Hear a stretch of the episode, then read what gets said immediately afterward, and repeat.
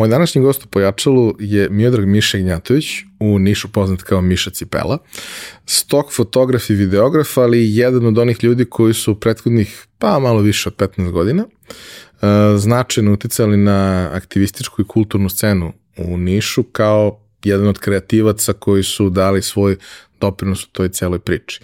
Uh, ono što je posebno interesantno je način na koji on došao do toga da se danas primarno bavi stok fotografijom i način na koji se bavi stok fotografijom i on i njegov krug prijatelja koji je okupljen oko South Agency-a. U oba slučaja pričamo o profilima na iStoku i Getty Images koji imaju desetine, a u slučaju Sauta i stotine hiljada fotografija koji imaju vrlo visok status, a koji su do toga došli sa nekim vrlo skromnim ulaganjima i jako puno kreativnosti i snalaženja, što mislim da svakome od nas može da bude korisno.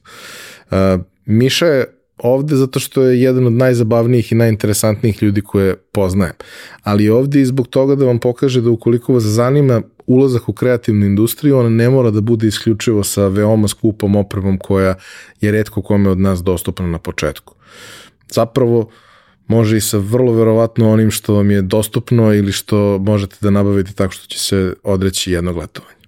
Uživajte. Realizaciju ove epizode pojačala podržala je kompanija Epson. Epson je već više od 20 godina vodeći svetski proizvođač projektora i štampača za sve namene od onih kućnih do profesionalnih. Posebno vam skrećemo pažnju na aktualnu ponudu Epson Business štampača.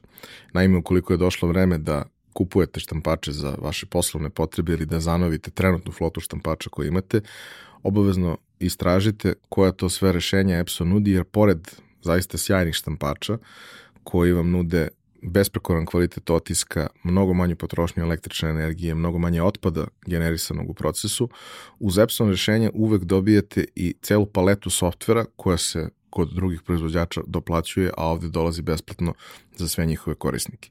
Za više informacija pogledajte businessprint.com, piše se onako kako se izgovara. Hvala vam.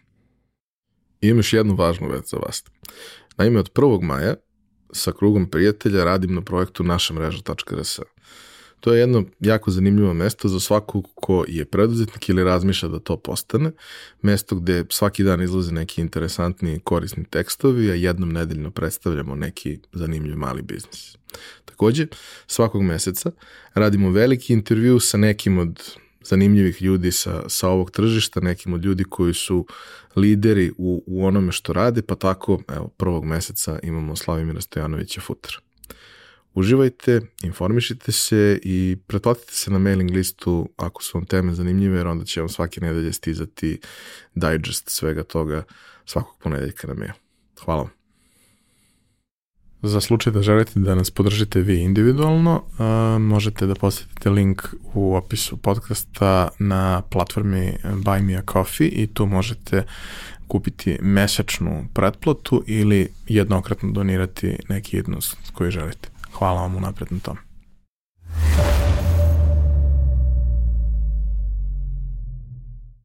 Kad smo pre dve godine počeli da se dogovaramo da ponovo pravimo konferenciju u Nišu, pričali smo o tome šta se dešavalo u tih deseta godina ovaj, koje nismo imali konferenciju od poslednjih Bizbaza pa do prvog Digitoka u Nišu i šta se dešavalo i koga bismo mogli da imamo od lokalnih priča i koga bismo mogli da imamo od one stare ekipe koja je bila pomođu vremenu je napravila svašta nešto iz celog regiona.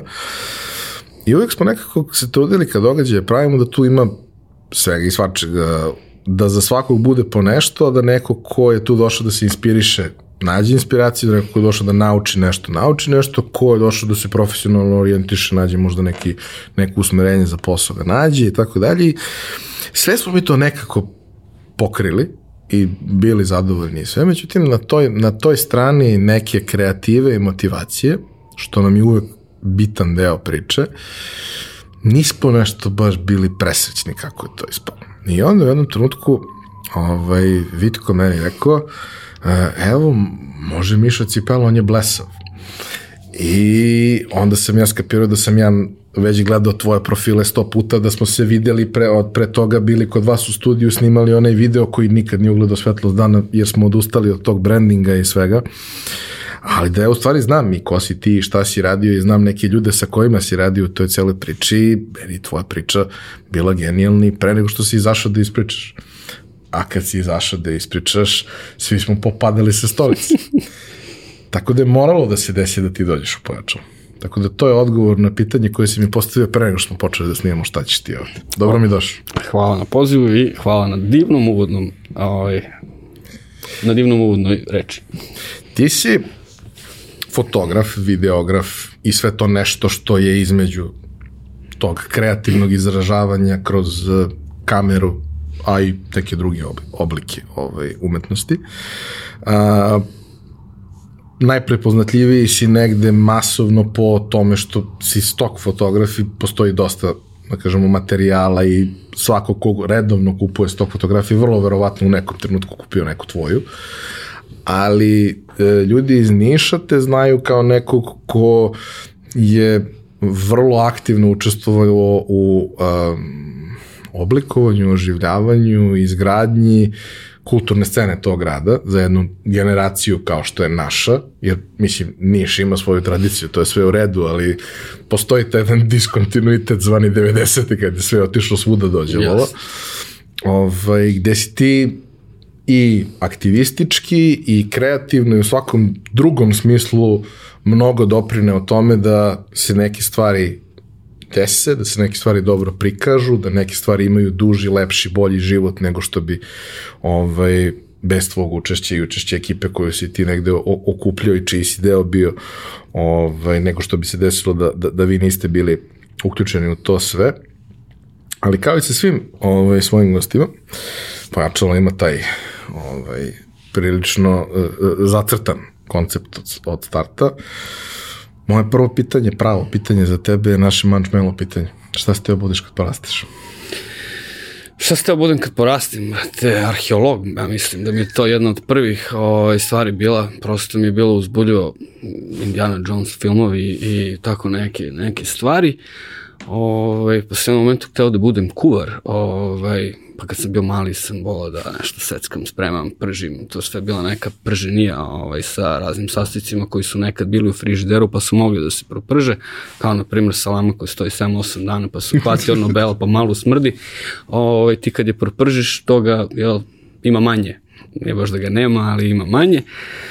Posle toga sam teo da budem neko ko negde nešto putuje i nešto radi, ovaj, jer prosto žili smo u Nišu ceo život, nisam se nešto mnogo kretao kad sam bio mlađi, jer opomenuo si te vesele 90. to je nas zateklo u cvetu mladosti, jel, sa nekih 10 godina do nekih 20 i nešto, dok se to nije završilo tako da u svo to vreme šta nisam posebno mogu ni da vidim, nije bilo ni interneta, od spektakla od spektakla smo imali NATO bombardovanje, jel, koje smo gledali kroz prozor i noću brojali odakle pucaju ovi drugari.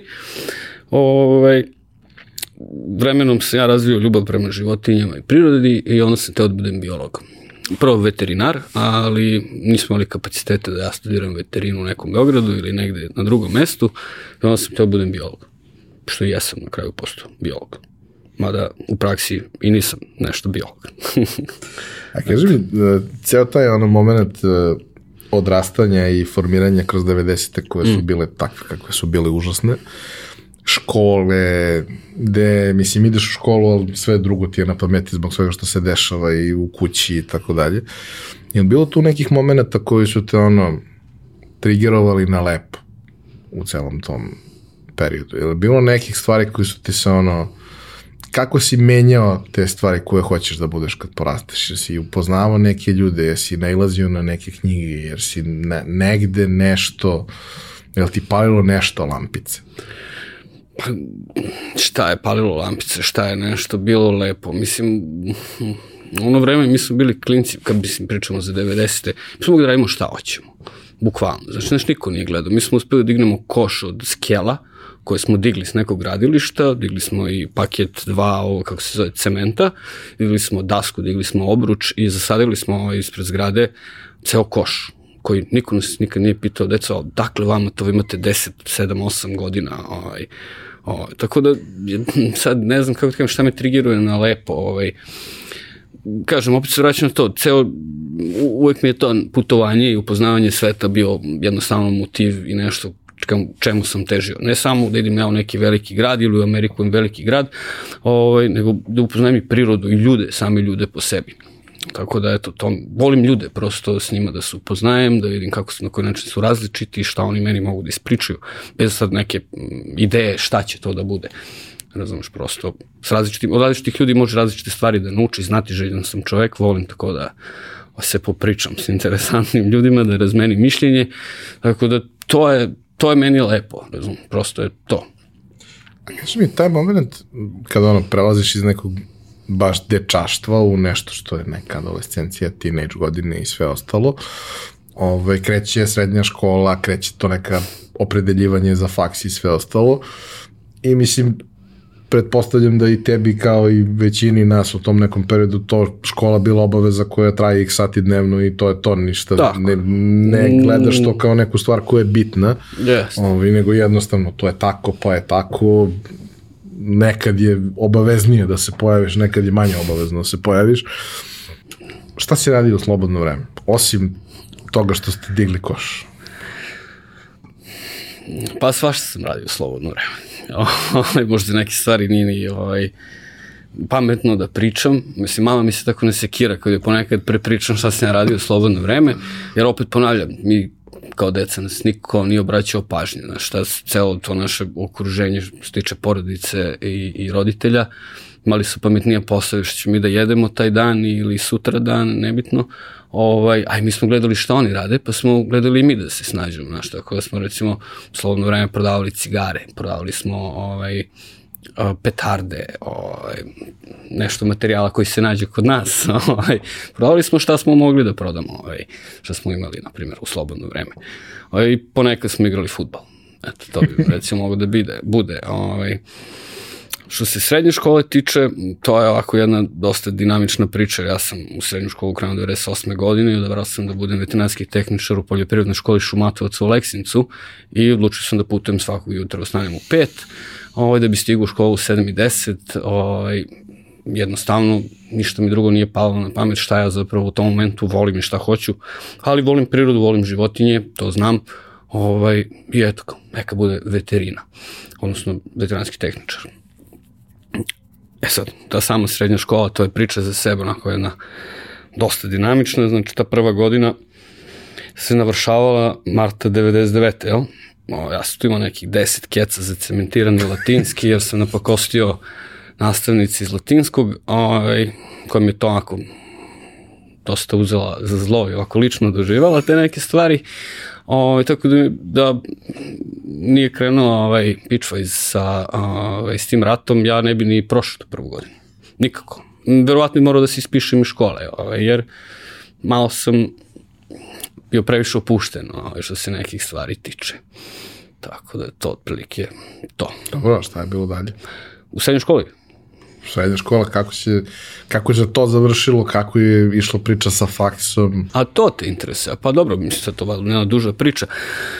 Znaš je srednju školu, kao što, što ti rekao, jedva završio, ovaj, jedan sam nešto bio glup, nego prosto sam pametnija posla. Ovaj, jednom prilikom sam otišao da pitam profesorku iz sociologije na nekoj drugoj godini da me pusti sa tog zadnjeg časa, da, časa da bi ja stigao na neki autobus ranije, da bi iz nekog razloga stigao ranije u, u, u Niš. Ovaj, ona me žena pitala, a bio je opet neki februar, mart, neki prolećni raspust je trebao da krene, meni tu onda ja povežem to sa raspustom, pa još neka nedelja, da ko si ti?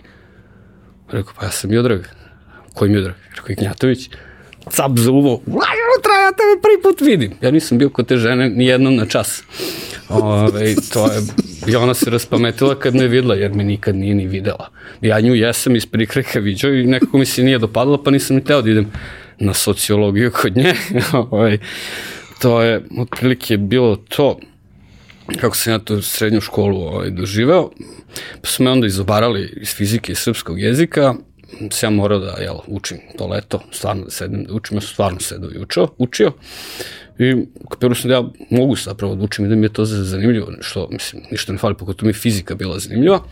Mada mi se na kraju ispostavilo da volim da čitam i romane i knjigice, ove, isto je lektire. Recimo Čičagor, ja sam šta peše 7 puta u ono vreme, jer je prosto bio dobar. Ovaj, nema, Za razliku od proseka, što se kaže lektire. Pa, da, da, da. Za tu neku lektirsku priču, za drugi srednje, to mi je bilo fantastično. generalno i u srednjoj školi me malo ko voleo, nikom od ovih učenika iz, koji su tu živjeli sa, iz Aleksinca i sa strane. Ovo, ovaj, tako da je to bila jedna onako nezgodna sredina da se tu motaš. Ali sam je na neki način preživao i ovaj, došao do toga da se piše faks. Ovaj, opet veterina je bila u Beogradu ili u Kraljevu još negde, ne znam, nisam tačno siguran koja je bila alternativa, Kruševac je mislim, nije ni bitno, ovaj, mi u to vreme nemamo para ni za šta, ovaj, kamoli da ja studiram negde van Niša, ovaj, ja rešim neću ni da studiram, što bih, ovaj, aj, ajde, ovaj, napnu me e, familija, bio sam na exit nekih 10-15 dana, odleđem 5 dana ranije, ostanem 5 dana duže, ovaj, spavam u žbunju, ovaj, od izvođača ne seća se da sam išta gledao, ali to nije ni bitno, ovaj, napno oni da ja nešto pišem, da ajde pisat ću diff, razumeš, jer stvarno nemam kad sad se vratim s exita, treba spremam prijemni, treba nešto, vamte, tamte, prođem ja taj prijemni za diff, ali budem ispod crte i ne budem ne budem na budžetu, prosto ne mogu da, ovaj, nemam para za finansiranje. Dobro, preskočim na tu jednu godinu i ok, rešim se ja sad da upišem fakultet.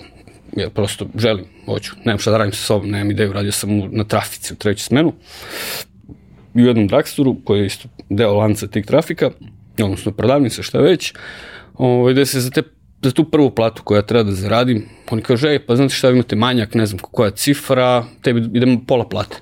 Meni to prva plata u životu, neka žena sa velikim noktima mi određuje ću ja dobijem pola plate ili neko krao, ja nisam krao, brate, stvarno nisam krao, ovaj, onako malo me demotivišuće, razumiješ, malo čovjeka koji samo što je završio srednju školu i rešio da krene na, na pravi put, oni mene pokradu na prvu, razumiješ, rekao, dobro, okej, okay, nema veze, ajde. Ovaj, to što sam ja zaradio, kupim ja PlayStation, ja mislim, Cats tad, malo igram igrice na onaj i televizor, preko videa, pa znaš, babi činčevi, pa to, pa na osmicu ga ti zavrneš, to sve bude. Ovaj, odlučim se da upišem faks. Ovaj. Drugar iz srednje škole isto pisao biologiju godinu pre mene kad je trebalo da bude. Budem ja kod njega i nađem knjigu Biotomorfologija biljaka. Mm -hmm. Ovaj, preko da im ja šta vi tu učite, kao ovo je jedan ispit, kaže da, to ti ono, od od A do, do Š, ispit ceo, razumiješ, jedna knjiga. Nije bila nešto opširna knjiga, ali nije bila ni mala, neki 436 strane, nebitno. Počnem ja čitam, ono, kapiram, bre, ja ne znam da čitam čoveče. Mislim, umem ja da tehnički pročitam, ali glava to ne, ne percipira, znaš, neće. Prođem treću rečenicu, ja ne znam šta je bilo u prethodne dve. Kapiram, dobro, znači, da bi ja mogu uopšte da počnem da pripremam prijemni ispit, ja prvo moram da naučim da čitam. Znaš, kad, ok, pokupim ja sve žive knjigice koje sam našao, zainteresujem se, ne znam, Bukovski, ovaj, onaj, nije bitno, sa namerom da ja vežbam da čitam, razumeš, da čitam i kad dođem do kraja stranice znam šta sam pročitao, razumeš? I kad se, da se disciplinam, da se vratim na taj tekst, tako ga ne, ovaj, kako se zove, nisam usvojio, ako ga jednostavno ga se ne sećam, mora se vratim, razumeš, da ovaj. I odradim ja to, ne znam, desetine i desetine knjige, iščitam ja sve to zabavno literatura, ovako, onako, nešto teže, nešto lakše, nije ni bitno, naučim ja da čitam sa tih 16-17 godina koliko je bilo pred prijemni, možda i više, ne znam tačno, nebitno. Ništa položim ti ja taj prijemni prilično dobro, ali iz srednje škole sam ponovno neki minimum broj poena, što me negde dovelo na drugi, treći ispod crte, znaš.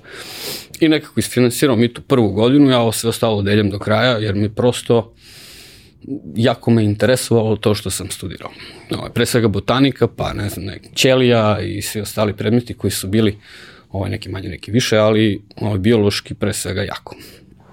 I tako ja postanem biolog, odnosno biolog-ekolog, odnosno biolog-ekolog sa preferencijama prema botanici.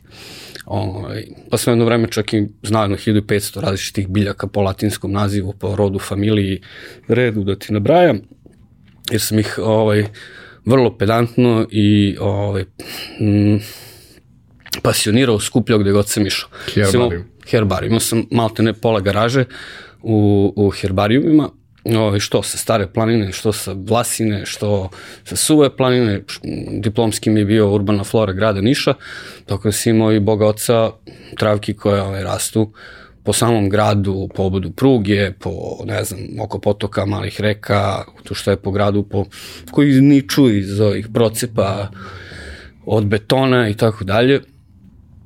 Tako da je to bilo moje studiranje otprilike. Čak i postoje moment da ja svi zaposleni na fakultetu, određeni profesori su im pokazivali interesovanje za to, jer sam bio jedan od boljih studenta, ispostavilo se ovaj, ali bar zainteresovani, jer sam prosto stvari znao i unapred, jer me zanima čoveče, znaš ti nešto pomeneš, ja ovde nađem tri knjige da pročitam, pročitam iz tri knjiga, ovaj, šta sam mogli da iskopiram od knjiga sam iskopirao, šta nisam, ja sam lepo tri dana odem u biblioteku, slikam s kolegom, napravimo mi PDF-ove, pre svega za flore, flore su ključevi instrumenti kojima ti određuješ koja je vrsta koja po nekom redosledu rečenica, morfoloških, ovaj, Tako da sam pribavio bogate literaturi i baš sam bio zagrejan za to.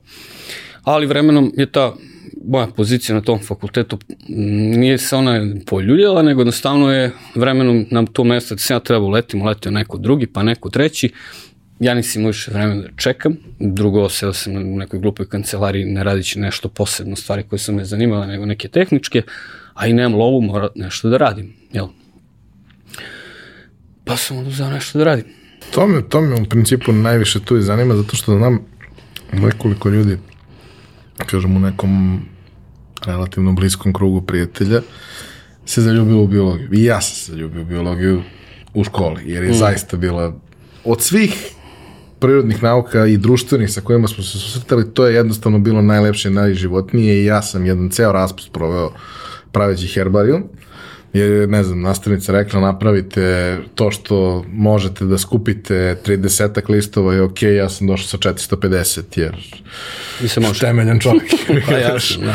ovaj, ali uh, zapravo velika većina ljudi koji znam da su krenuli sa tom pričom, zainteresovali se, bili izuzetno posvećeni, voleli to, diplomirali to, možda završili i master, nikad se nije bavila time jer nema gde da se bavi biologijom. Znam jedan primjer i to za, za tu devojku ne znam da li je dalje pri institutu, pri fakultetu, znam da je bila, ali svi ostali slučajevi su jednostavno otišli u nekom potpuno desetom smeru i to što su prošli i dalje to vole, ali ako nisu otišli odavde, nisu naši mesto. Pa, kod za, nas je, ne znaš, kao biolog ti nemaš puno pozicija na koje možeš da, ovaj, da ostaneš, a da nisu prosvetarske, znači da ne radiš na fakultetu ili u srednjoj školi kao nastavnik, ovaj, ne znam, institut za zaštitu prirode, je tako? Ovaj, koja opet državna firma, ne verujem da ima tu mnogo mesta, Ovaj, drugo, sve te institucije ne pružaju mnogo mogućnosti, ti si pratiš neki protokol, imaš neke zadatke, to je to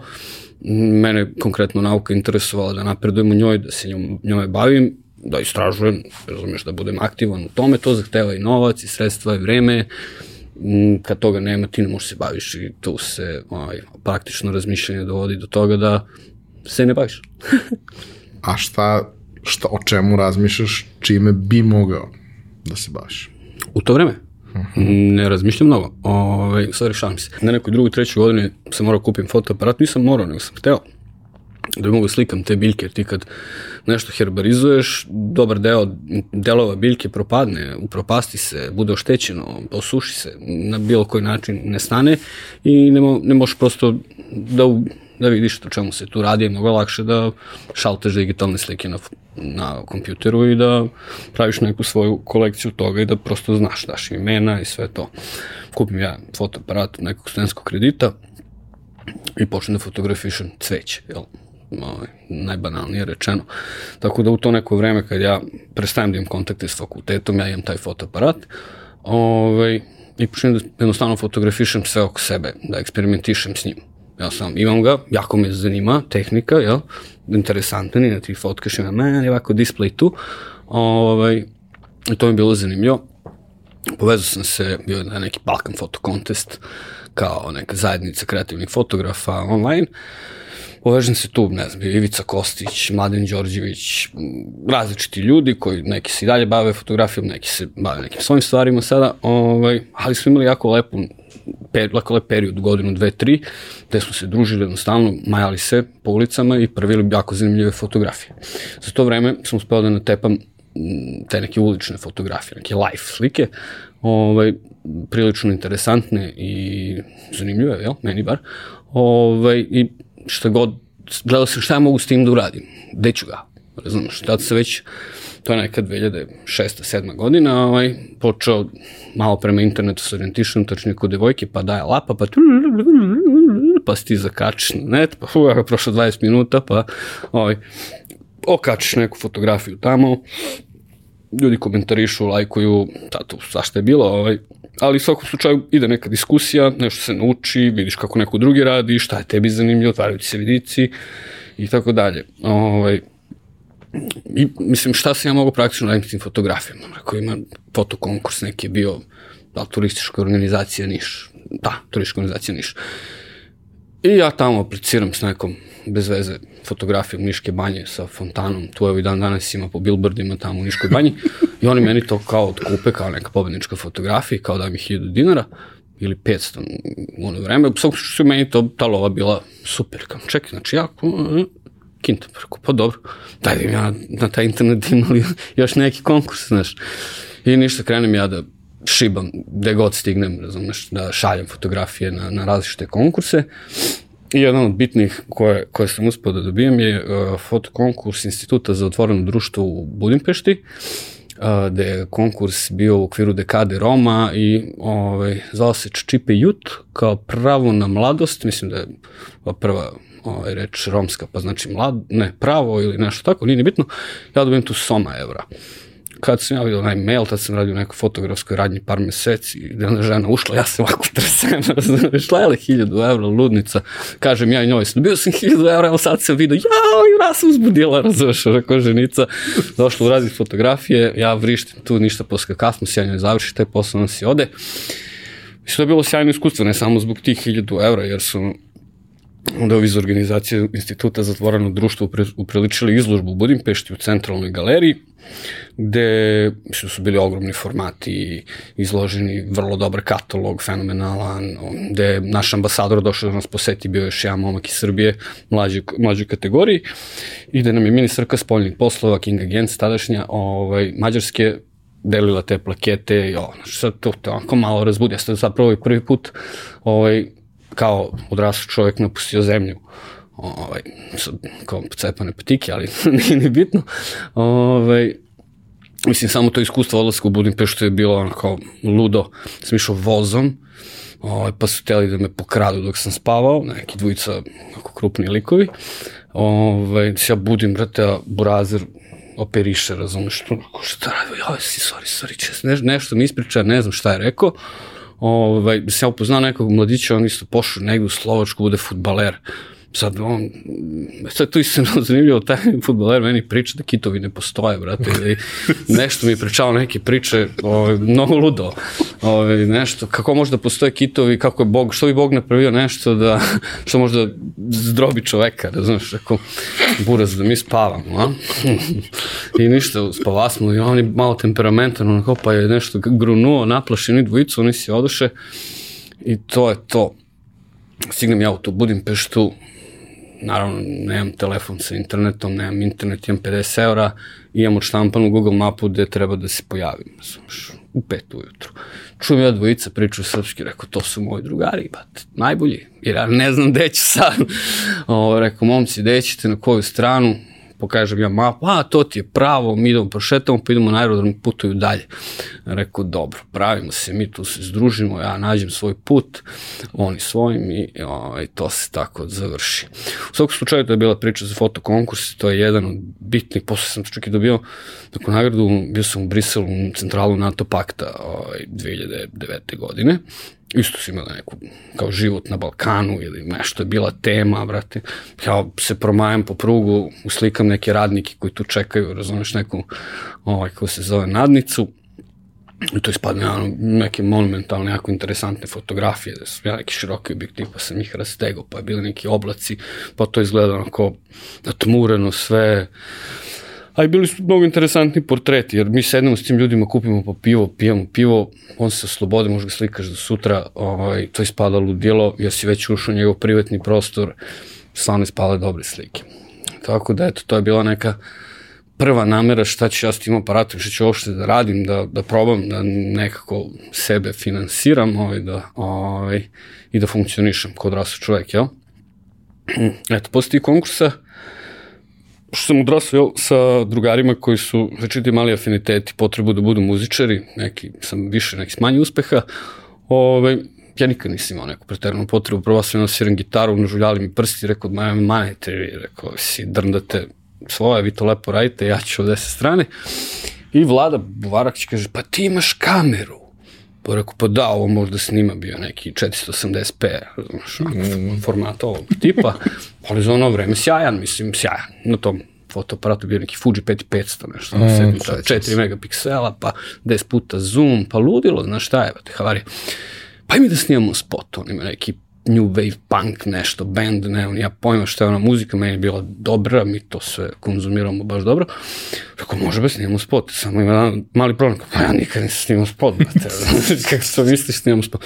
Pa imaš kameru, pa imam, pa će snimamo spot, ajde će snimamo spot.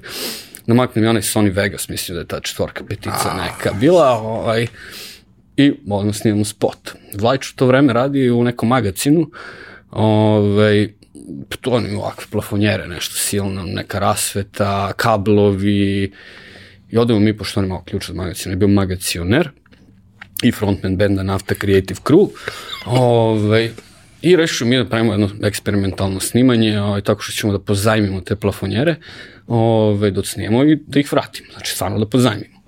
Ovaj, ništa, odemo mi u podokrilje noći, pozajmimo plafonjere i sve što nam je potrebno s to. Nabijamo se kod njega u garažu na 7-8 i snimamo taj spot. Potpuno eksperimentalni pristup. Našli smo neke silne televizore, one EI proizvodnje, pa smo mm. to ubacili, pa smo čašave neke razvukli, pravili neke siluete.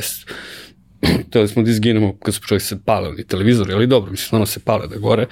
ovaj, snimimo taj spot i taj spot za, spot, spot za pesmu Žal za kompjuter se zove, možete pogledati na YouTube ko želi, jako je zanimljiv i ono vreme to je spalo nešto mnogo super, baš se primilo u ljude, ovo, jer malo koji uopšte snimao spotove, tehnika nije bila nešto pristupačna, a mi ga napravili smo tako da prosto izgledalo interesantno. A i žal za kompjuter, kao njemu se kvari kompjuter, njemu nije dobro, a pucam u glava, ovaj, prosto u omladini je to bilo super što da kao si počeli koristiti kompjutere.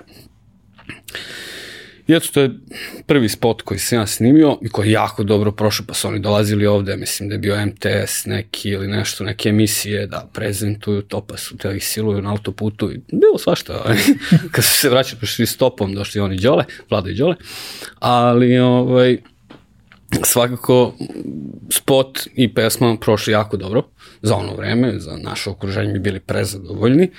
Pa dobro, izgleda memo da snimamo i spotove. Hajde pitaš nešto ili da ja ovaj, teram dalje?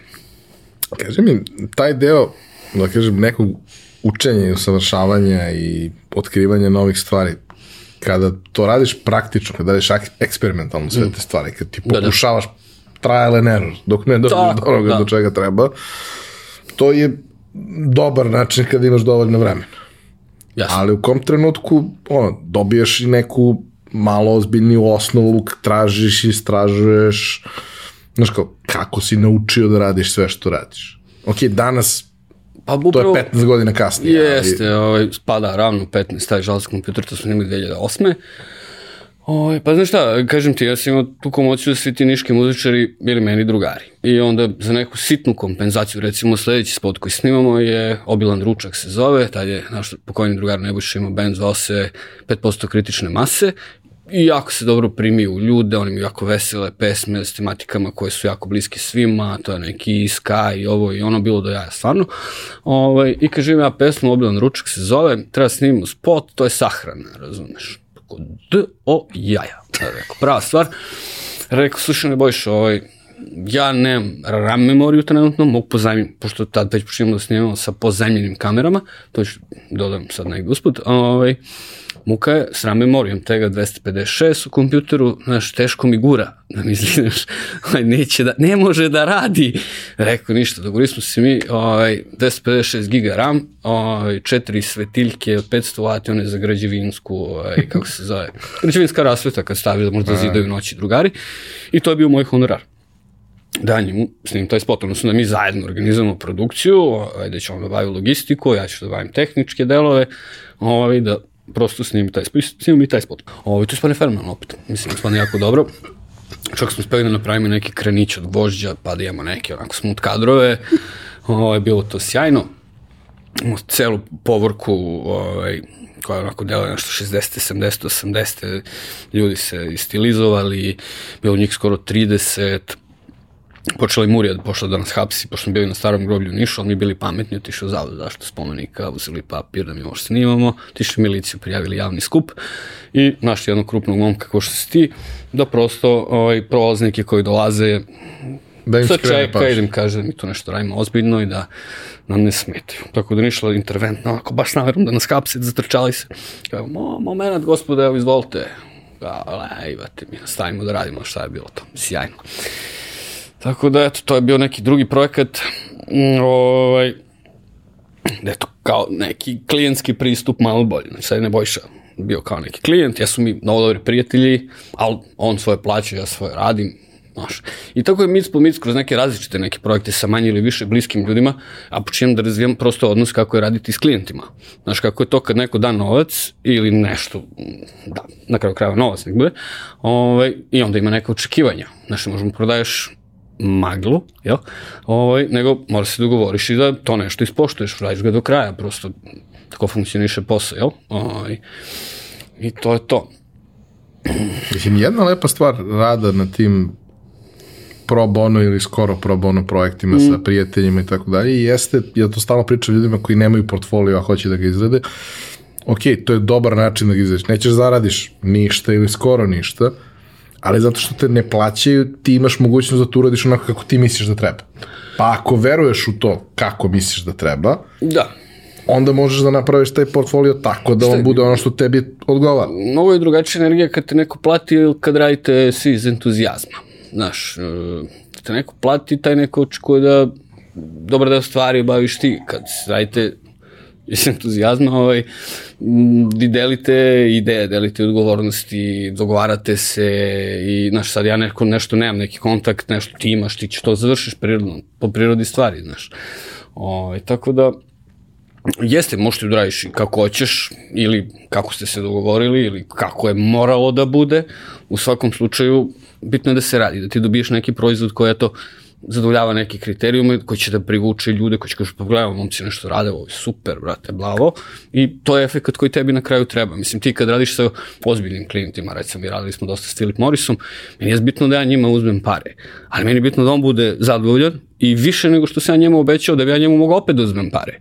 Razumeš? A nego uzmem ja prvi put njemu manje. Ne, slobodno, neću uzmem oko koliko ja mislim da vredim, ali ću da mu uzmem onda još jednom, pa još jednom, pa još jednom, pa još jednom, pa će on me preporuči kolegi, pa ćemo ovako, onako, onda ćemo prosto da se reklamiramo na taj način, a ne da uplaćujemo ece na, na Facebooku i tome slično. Tako da, to je to neko iskustvo na taj način, ga ja posmatram. Dobro. I kad smo pričali baš ono, to neko zajedničko društvo koje te i, i poznaje i iz tog vremena i kasnije i sve, to je bio jedan značajan deo toga. Znači da ono, u tom delu lokalne muzičke scene si ti bio čovek koji osmisli, realizuje nešto što postane kultna stvar lokalno. Znaš šta, ovaj, kad kažeš, mm, da, ovo, bio sam tu s ljudima da osmislimo zajedno. Zato se ja i bio deo scene, zato što smo mi to radili zajedno. Znači, kao i žal za kompjuter, pa niko tu ništa nije osmislio čoveče. Mi smo razvukli čaševe, nagurali televizore, dovuko je ko šta ima od te neke tehnike i snimali. I onda smo vukli one slajdere u Vegasu, ono se promeni, e, e ovako, vu, bravo, ovo je dobro, znaš. To prosto uh, nismo mi znali ništa o, o tom poslu. Mm, Uđeš eksperimentalno, snimaš, greška se desi, snimiš opet, greška se desi, bude super, snimiš opet, nebitno, nek ima pet puta. Ovaj, tako da, prosto, mm, svako iskustvo donosilo neko novo znanje i, i, i una- unaprediš se pomalo, znaš, i napraviš deo portfolija.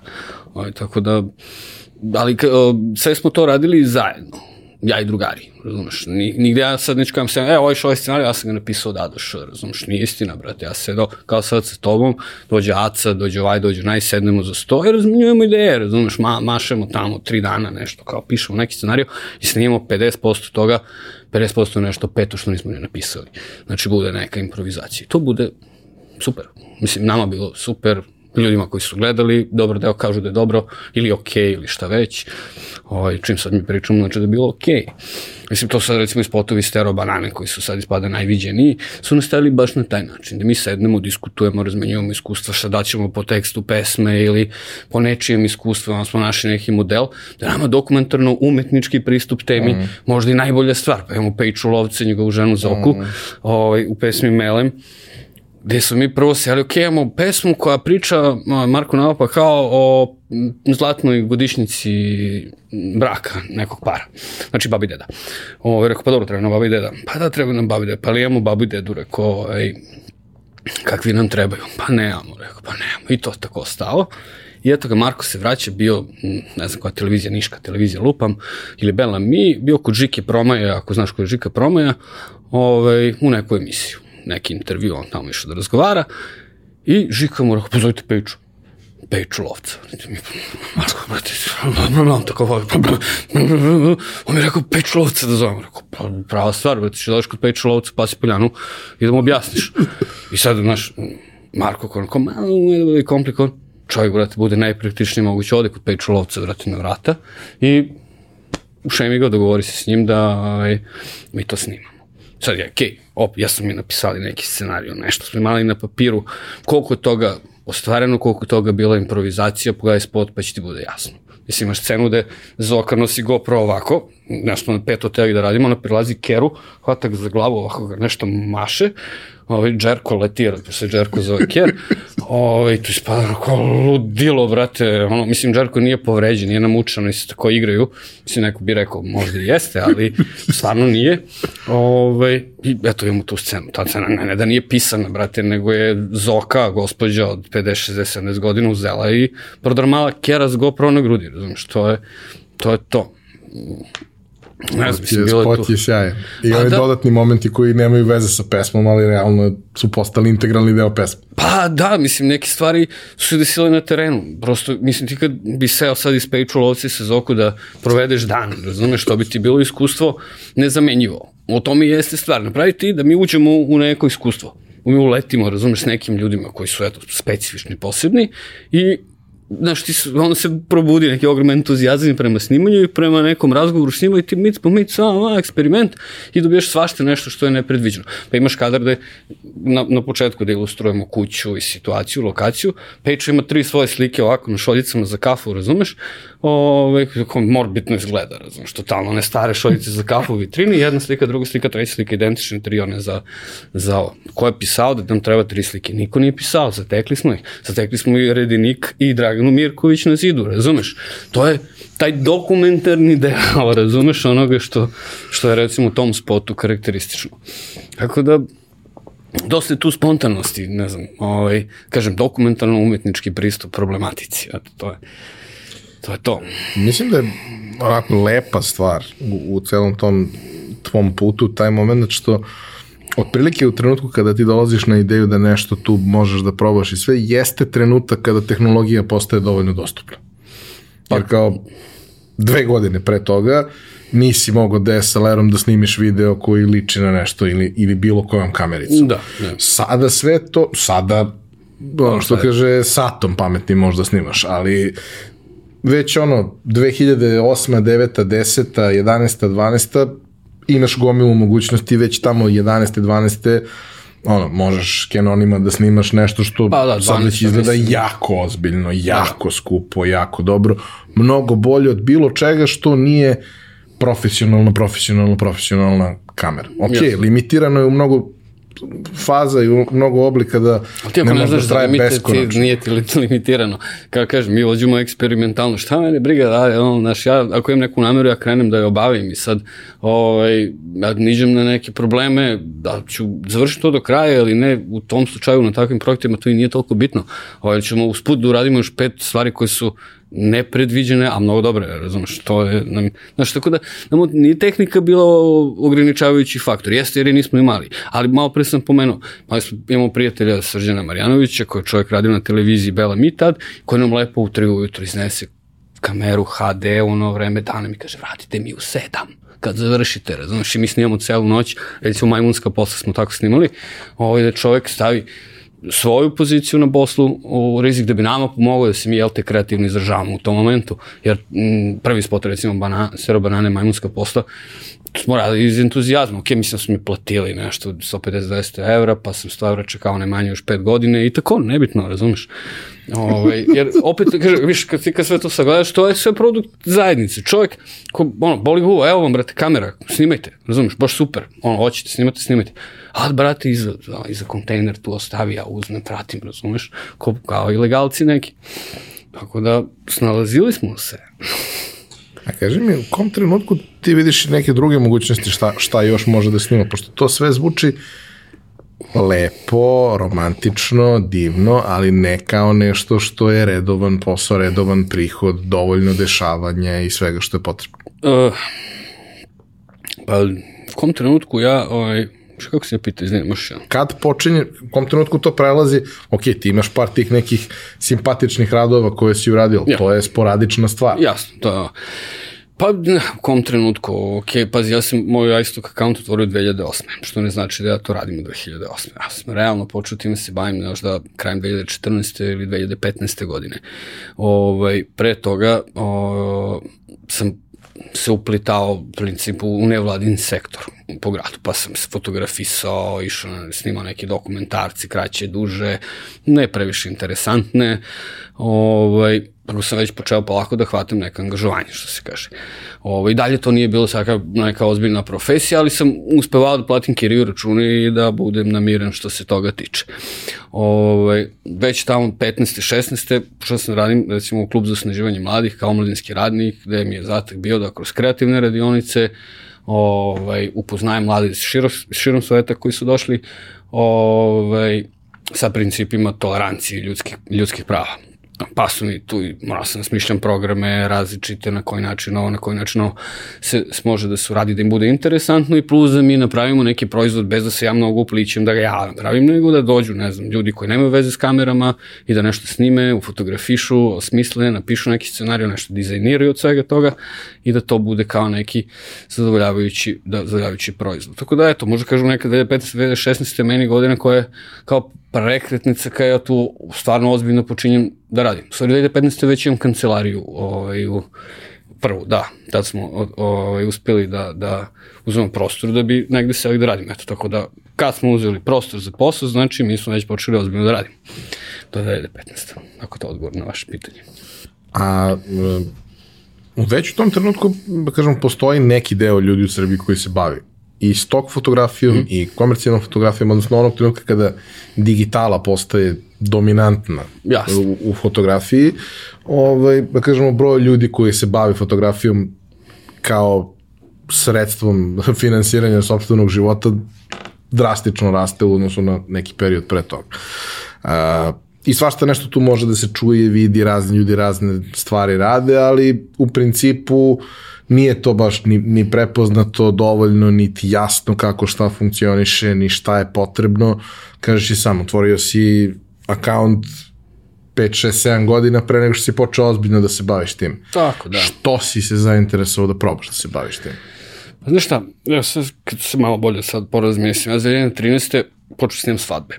Znači, to ti je svadba, teren, ja snimam, ima neko fotografiš, uglavnom nisam ja pogađao te poslove, pogađali fotograf, oni mene angažuju, ovaj, i onda to radimo.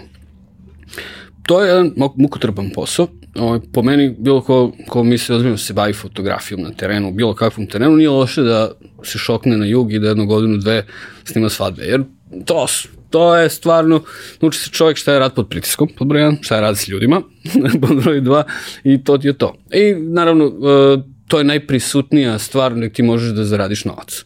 Naravno, tad je bilo nešto 150 eura za dan, što je 150 evra za dan, ja obodem 3 za vikend, pa 3 za sledeći vikend, pa 3, znači to je već soma i kusur, znači ozbiljna lova. Ovaj, tako da sam jedno 3-4 godine se bavio tim i to me malo poručkalo, malo pojelo, jer je prosto prezahtevno. Ja kod odradim tri svadbe za vikend, ponedeljak ne postojiš, utorak pola postojiš, u sredu sređuješ i četvrtak to što si snimao prošli vikend, u petak si već opet na teren.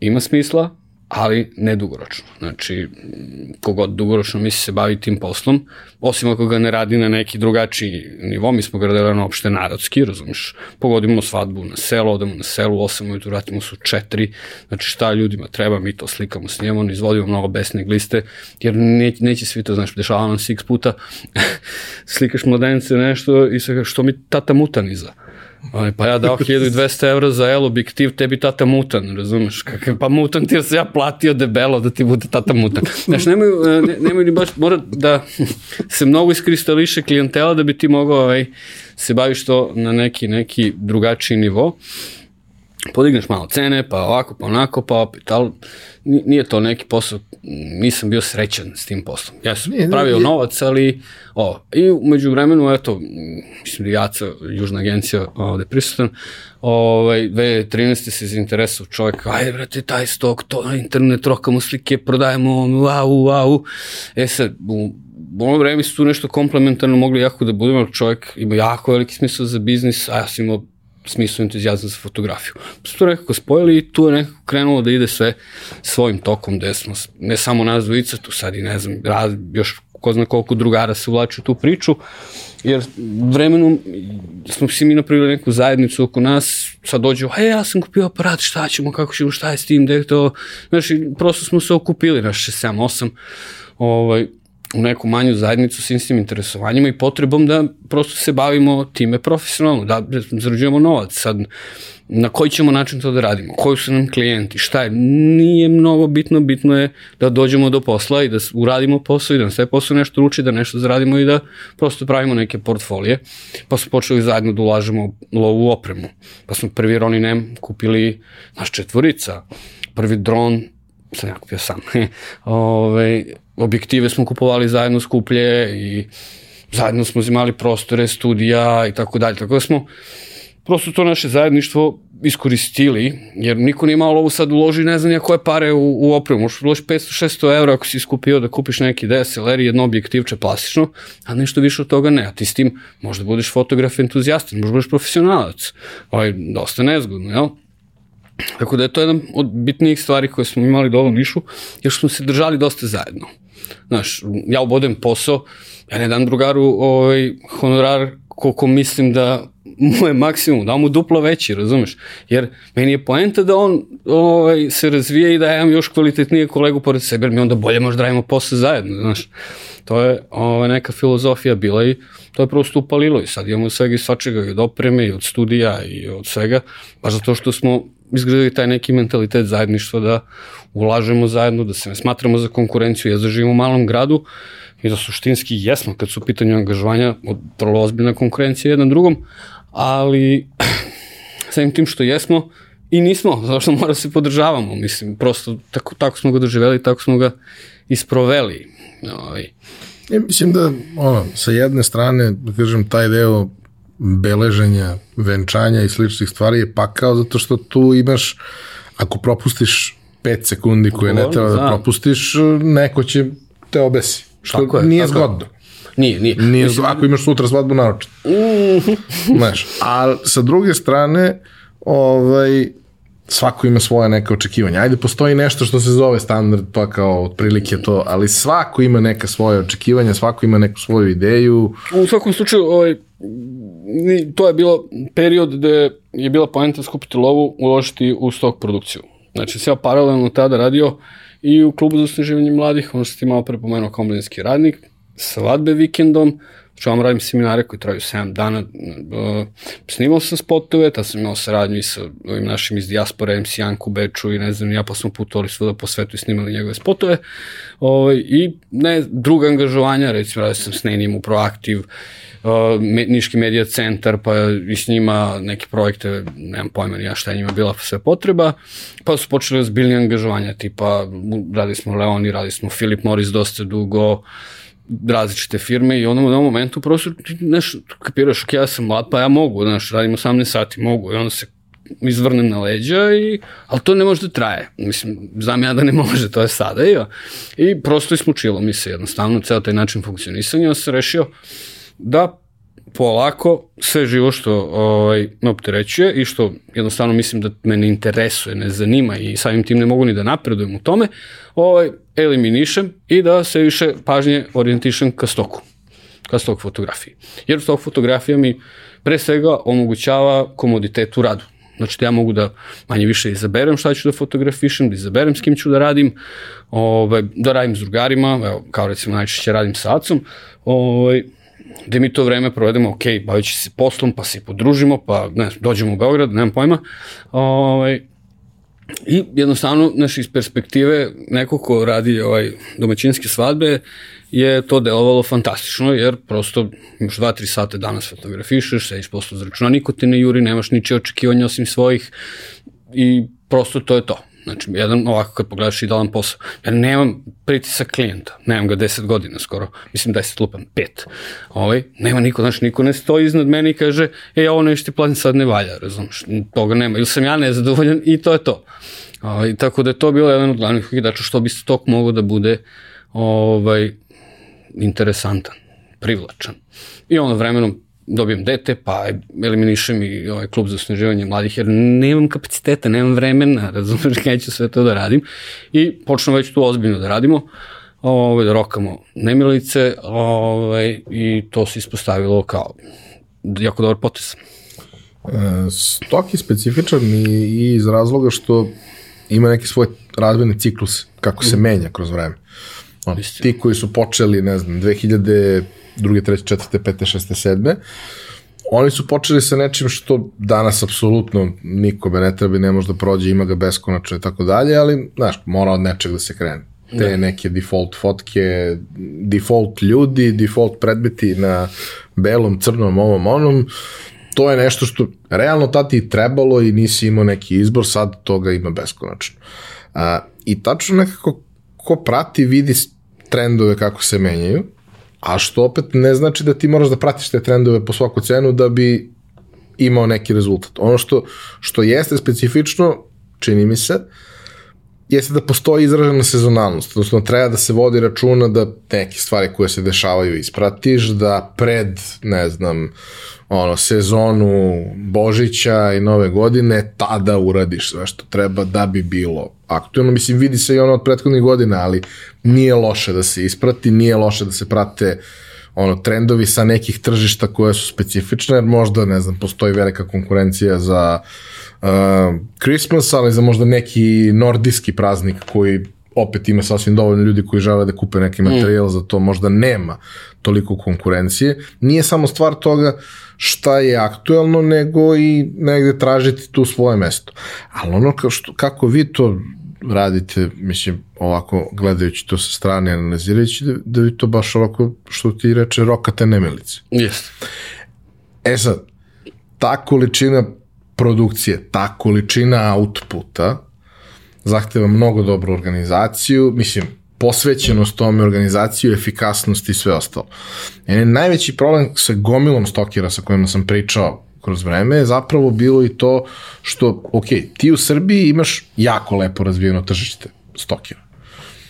Lepi ljudi, gradovi koji su, u, kome, u kojima možeš da nađeš krajeve koji mogu da oponašaju manje više bilo koji gra, kraj nekog grada u Evropi. Uh, to što imaš u principu, da kažem, vizualno dovoljno različite ljude, ok, ono, tamnoputih ima nekoliko i oni su na svim snimanjima svih ljudi, riđih ima nekoliko i oni su, starijih ima nekoliko i oni su, znači, tačno ja, znaš, da, da. prepoznaješ te ljude, ako kupuješ tog fotki, prepoznaješ ja, šta je ko se bavi njemu je jasno ko se tu repetira stalno, nema tu šta. Ali prosto ono, organizacija, planiranje i taj moment da negde moraš u startu da optimizuješ stvari, jer mnogo lepo zvuči da ti se napraviš veliko snimanje, napravi u velikom studiju, mm. napraviš sve od...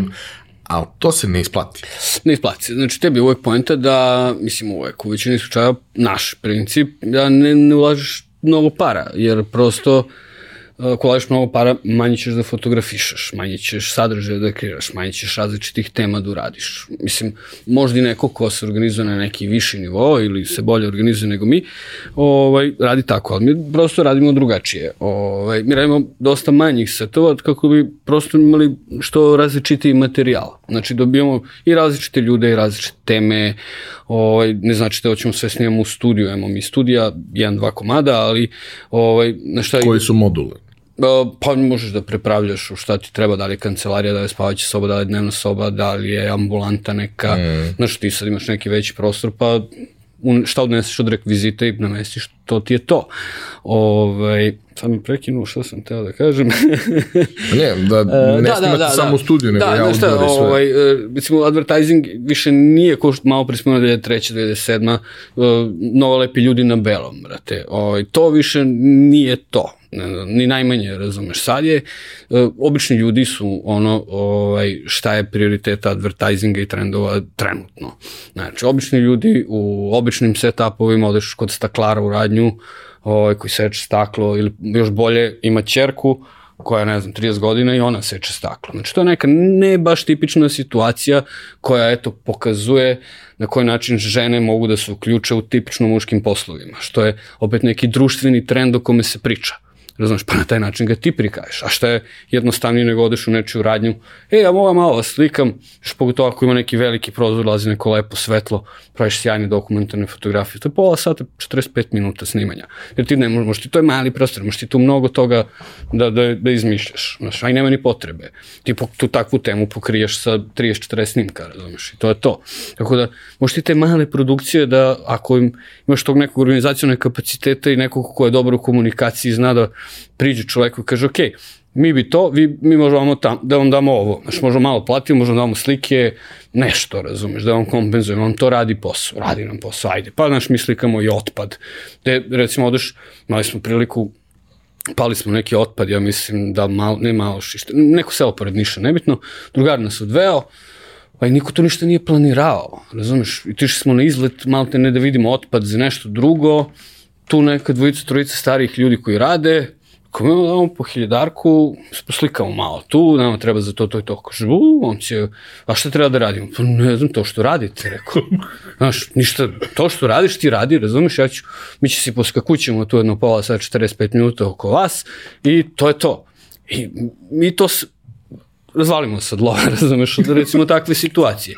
I x takvih situacija bude. Ali recimo dešavalo se i da uložimo 500, 600, 700 eura u set gde ne možeš povratimo te pare, razumeš. Jer je na neki način nešto bilo tu usiljeno, neprirodno, neki... Ili ga jednostavno ima mnogo u tom ili, trenutku. Tako je, ili smo te kao temu izabrali nešto pogrešno pa smo ga uradili ispod prosjeka nego što je možda neki vizualni trend ili ga prosto administrator koji pušta te fajlove nije ocenio dobro, pošto svi fajlovi koji ulaze, on mu dari neki rating tamo, da li 1, da li 5, da li 10, nebitno, i to ti je inicijalna tačka polaska za taj fajl. Ako ga klijenti ne izaberu narednih mesec, dva, on ode negde u duboko i jako redko, jako teško se on posle vrati. Tako da, kažem, sok može da se radi na hiljadu različitih načina. Znaš, ima ljudi koji imaju neke profesije, pa ga rade kroz te profesije. Znaš, može ga ne radi na nekom mnogo visokom nivou, može ga prosto pokupe sve što iz, iz tog okvira, to su neke stvari koje mogu da budu potpuno nepristupačne bilo kome. Recimo, možda bude stoker neko ko montira ove, vetrogeneratore negde na livadi i on može da napravi fenomenalne fotografije tih stvari gde se popnu na, ne znam, 30 metara i urade to i to ima jako veliku vrednost, jer Aca i ja se sigurno neće popnemo na vetrogenerator na 30 metara da uslikamo to. Niti 99,9% ljudi koji to rade. Tako da, mnogo različite perspektive, iz mnogo različite perspektiva ljudi dolazi i bave se tim poslom. Tako da, ima i tu svačega, mislim, stvarno svačega. Znam dosta njih koji su to organizovali snimanja koja su to ono, celodnevna ili da. x sati i tako dalje sa većim brojem modela i svega. Jer kao kad si već platio prostor, ako, ako si takav dogovor napravio da platiš prostor, yes. ako već plaćaš te ljude, daj da izvučem maksimum da uradim što više variacije, još idealno ako se dogovori više fotografa da podele, jer neće da. na isti način zabeležiti to sve i možda neće posle ni na isti način obraditi i tako dalje. I onda kao prosto, znaš, bukvalno kad prvi put prisustuješ nečemu takvom što u mom slučaju ima jedno 10-12 godina recimo, ti gledaš to sa strane i ti sad, ti vidiš šta je output toga što je recimo, ne znam, set od pet fotki koje su izašle, ali izađe pet puta po pet fotki. Da, da. Ali ti kad si na snimanju, to je kao na pokretnu traci. To se samo menja i vrti. Pa da, mislim, evo recimo imali smo prilike, bili smo u Taipei na Tajvanu, to je, tamo je bila isto Kalipsa i m, to je događaj koji organizuje ovaj, Get Images kroz Zajstok, gde se okupljaju ko želi dođe iz celog sveta od i ekskluzivnih i neekskluzivnih fotografa za Getty i jedan od, jedna od stvari je da ti apliciraš za neki budžet. Da uradiš neko snimanje u tom području, jel, Tajvana, ili taj grada Taipei, ovaj, jer im je to trenutno, i, to ih trenutno interese, hoće da razviju što više sadržaja i kontributora novih u jugoistočnoj Aziji. To je u zadnjih 5-7 godina jako bitno za... Primet. Tako je. Ovaj, Ubiš. ubiše, pa da, jer prosto to je u ekonomskom smislu područje koje se nenormalno dobro razvija, jako šarena kultura, znači mnogo, mnogo različitog materijala može da se napravi da bi se pokrile sve sfere ovaj, koje mogu da budu. I apliciramo mi, to zovu oni pitch shot, mi pošaljamo 3.500 da nam daju za taj pitch shot, a nam daju 3.500. Znači to je ozbiljan novac da ti potrošiš za nešto. Izrentamo neku ogromnu kuću, nađemo neku agenciju koja nam završi pa ja mislim osam modela ili šest, nisam siguran koliko ih je bilo i to je bilo ono celodnevno snimanje. Od ujutru, deset do dok nije pao mrak. A nas je četvorica u timu bilo, ja mislim, Aca, Peka, ja, Caja i Srđan, petorica, razumiješ. I Kinez Daj ko, pošto mora bude malo i heterogeno, pa prosto, a i za šta? Da bi mogli Oscara da dobijete. Da. Ne, nego da bi mogli da razgovaramo s ljudima, jer mi ne znamo kineski, razumiješ? Čovječe, deš ti u Kinu, mislim, e, Republika Kina ili Tajvan nije narodna republika, ali su opet kinezi, ljudi koji pričaju kineski. O, ti bez kineza malo si sakat, znaš, tamo je drugačija gestikulacija, nije tri, nego je tri ili ne znam, drugačije gestikuliraju sve stvari onda ne možeš ni jezikom ovaj, ruku i nogu da, da se dokažeš ti s njima šta je mora imaš nekog odatle. Mislim, bilo bi mnogo dobro, ne mora, ali je jako korisno. I onda smo mi tu imali to jedno temeljno slikanje da u jednom momentu su mi, ima, na jednom spratu je kupatilo jako dobro, ono, panoramski prozori, kada na sredinu i tako dalje. Dole neka velika spavaća soba, dnevna soba, kuhinja, terasa, dvorište, nas peturica seli na različite mesta i rokamo. A mi, naš tad sistem bio da mi sve to što snimimo i fotografišemo tog dana, sve to ide na jedno mesto i onda delimo na pet dela, pa kom se šta zapadne.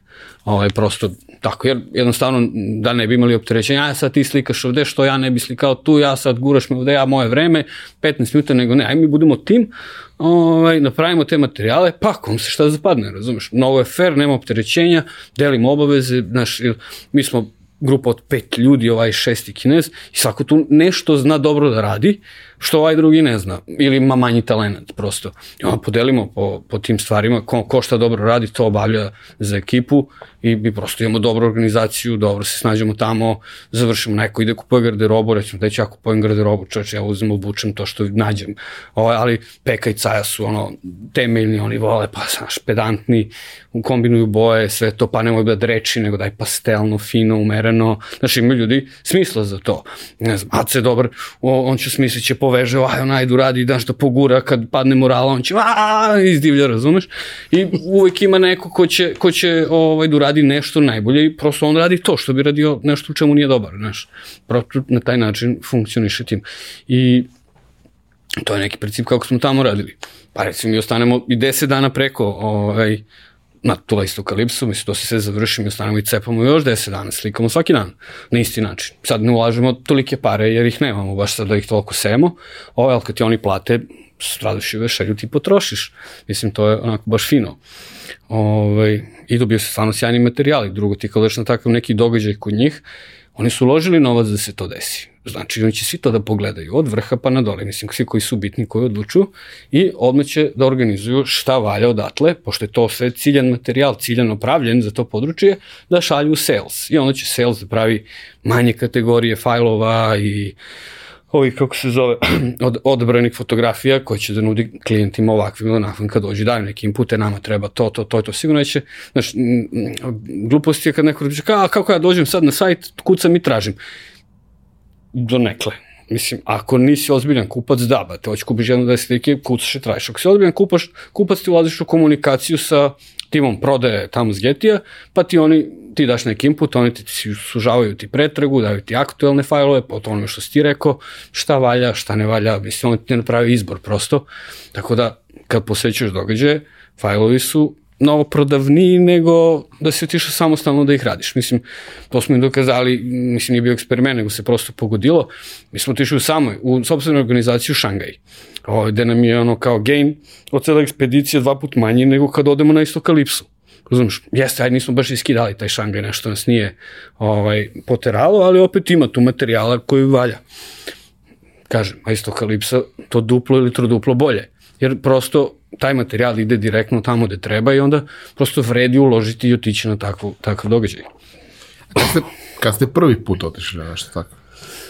Uh, je, prva, na šta, to počinje, ja mislim, kako beše, dalje 2017. godina, ovaj, Aca, Caja i ja dobijamo poziv da idemo u London.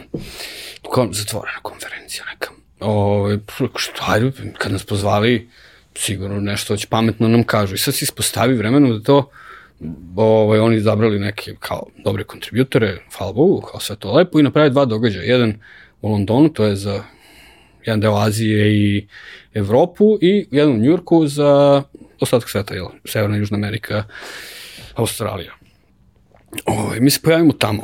Ovaj, to, to je sad, ta, ta je stvarno prekretnica u celom radu, jer šta se tamo dešava, brate? Znaš, mi smo radnički Niš, jel? Dolazimo iz Niša i mi smo futboleri radničkog i dolazimo na konferenciju gde su Ronaldo, Messi, ne znam, svi ovi high-end futboleri, razumiješ, i tu kao prsiću Teheran gledamo, brate, su i promašili salu, razumeš, ne znam, Simon Kranj, ovaj Juri Arkus, razumeš, malo se, oko podgojio se krupan, ovaj, ali on nije, nije, nije da nije.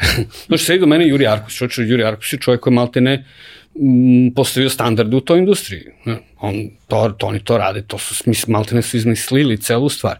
Ne znam, odavde iz Beograda Marko Geber koji je bio prvi, pa Christian Skynesher, ovaj, pa ovi Slovenci, kako beše Simon i njihova videoprodukcija koja je ono vrhunski, ovaj, i mi iz Niš, nastavica. Rekao, sjajno. znači, sigurno je postojao neki razlog što su nas pozvali, to je konferencija od 80 ljudi. Znači, nije 500, nije 1580. Ovo nek nije došlo 20. Znači, mi smo bili u jednom jako uskom krugu ljudi, su oni nas pozvali. Mi u to vreme nisu imali ne znam ja kakvu zaradu. Ovaj, moglo se živi od toga, ali nije moglo da... Moglo se živi od toga u nišu. da, moglo se živi, ali nije moglo se nazove biznisom. Znači, nije to bio biznis. I se ja mogu da angažujem pomoćnika nekog, mogu da izdvojim mali deo para da možda dam nekom za, za modeling, za ovo, za ono, ali ne mogu da platim račune, ne mogu račune za studio, na primer, ili za ovo, za I onda posle toga je stvar krenula da se ubrzava jer smo se i mi ubrzali, prosto nevrovatno su mi sažvakali šta se nama desilo gde smo mi bili i znaš, prosto motiv je veliki o, i onda smo se uzbiljili u poslu i krenuli gaz do daske. A šta znači konkretno to? Šta znači uzbiljili se? Pa ništa, seli da radimo čoveče. Čoveče, bože, da ništa. Da to ne bude samo onako, nego... A, pa, ne znam kako ti kažem, prosto je delovalo jako motivišuće, ovaj, da to ima smisla. Kad te prosto m, pozovu na konferenciju tog tipa sa tolikim brojem ljudi i ostalim ovima koji su bili, prosto znači da mi radimo nešto, da ima, da ima smisla to što radimo i da ima potencijala. To hoću reći. Razumeš. O, ovaj, tako da sam i odmah posle toga, u dve, početkom 2018. u martu je bila o, isto kalipsa u Maleziji, u Kuala Lumpuru. Odmah tamo. Ovaj, pa smo tamo isto mnogo lepo fotografisali, svašta je bilo jako zanimljivo. Nakon toga, taj Taipei koji smo malo pre pomenuli, I zadnja stvar je neposredno pred COVID je bio no, novembar 2020. Ja mislim, kada je počeo COVID? 21. 20. 20. Onda je 2019. u novembru smo bili u Buenos Aires, u Argentini. Smo samo fantazija materijale smo napravili. Ovo, onda krenuo COVID i sve, ceo taj koncept je prosto nestao. Imali smo bukiran opet Taipei, o, marta meseca, o, to je sve otkazano, krenuli su lockdownovi i te ostale stvari. E, da se... kako ste se adaptirali na to, ali ono što hoću da, da, da negde primetim ovaj, u celoj ovoj priči, to je da kad si pričao šta ste da budeš kad porasteš da si u jednom trenutku rekao da bi da putuješ i nešto tamo, ovo ono. Svetski putnik. I došao si do toga da putuješ i ok, za posao i sve, ali sigurno da tu ima i mnogo lepih trenutaka i zabave i upoznavanja raznih nekih kultura i doživljaja nekih stvari koje da ti to nije profesija, da ti to nije bitno, verovatno pola toga ne bi ni saznao, ni video, ni, ni shvatio, ni, ni doživeo. Ovaj, e, pominješ kako je to bilo, da kažemo, kroz sistem kakav je Aistok i Getty, odnosno te evente koje oni organizuju kao neku vrstu godišnjih samita, da, da, gde ono, ciljano se ide za to. Jasno. E ste išli mimo toga negde pre covid i cele te priče. Kako ste ono, nalazili inspiraciju za dodatni materijal, jer ste ga pravili jako mnogo, a Niš je beskreno zanimljiv e, meni kad dođemo ovako s vremena na vreme, ali nije, nije baš naj neko okruženje. sadržajniji grad na svetu. Pa da, je, mislim, stok fotografije je komercijalna fotografija, samim tim treba ti neko okruženje koje odgovara tome da prosto Niš je dosta skromno mesto kad je to u pitanju. Pa prosto dovijali smo se na hiljadu mogućih načina, mislim, stvarno ne znam šta ti kažem. Pokušali smo da pratimo trendove, pokušali smo da, kao malo pre što ti rekao, da uradimo saradnju sa kim, kim god je moguće. Ko, neko nas zove i hoće nas angažuje da nas plati, mi predlažemo da radimo saradnju ovaj, kompenzacije. Da evo, nemoj ti naš ništa da platiš, mi ćemo da platimo neke stvari, ali želimo da zadržimo materijale koje koristimo za našu svrhu, mi tebi sporučimo naš i naš pakujemo nešto za kao big deal. Znači, ja dođem i radim za tebe besplatno i plus se trudim da ga uradim što je bolje moguće, jer treba i meni. Razumeš? I kako tebi zvuči to? Dobro. Pa dobro, da. E, i onda je to neka metodologija radnje koju smo ovaj, mi uspostavili još te 2017-18 i na taj način kako funkcionišemo po nišu. Pa kažem ti, pošliko mi otpad, mogu da mi na džubraru da slikam kako istovaruju džubre, sve to ima smisla.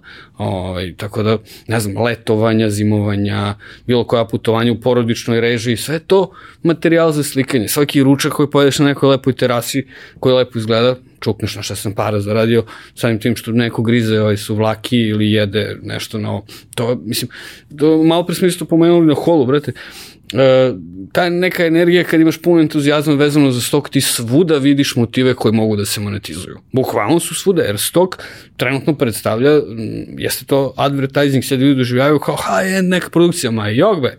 Znači, ti bukvalno slatku mačku, mače, mačence, to je jedan od verovatno naj ovaj, kako se zastupljenih motiva na internetu, jel, slatka mačka ili kućence, ti to možeš slikaš svuda, jel, imaš puno mačke i kučići, pa jednom sam našao mačku. A i ne mora da potpiše release. A i ne mora, ne košta ništa, razumeš. Ovaj, pa jednom sam u tom prvom, nije to studio više kancelarija koju smo imali, na treći sprat penjao sam se peške i niđem neko šugavo mače. Ja volim žuljke, pokupim ga. Ovaj, I tad je Milanče, moj drugar, radio sa mnom, ovaj, rekao, gde Miki, zadrži ga tu stani pored prozor, drži ruke oko i pomazi mačku. Razumeš, ništa više, ja čupnem dve slike, jedan klip, dva klipa i od toga zaradim. Kapiraš? To je svuda. Znaš, maca mi se u kaki poslu studiju, neko prolično užas, je ali platio, eto kako sam platio, razumeš, te slike.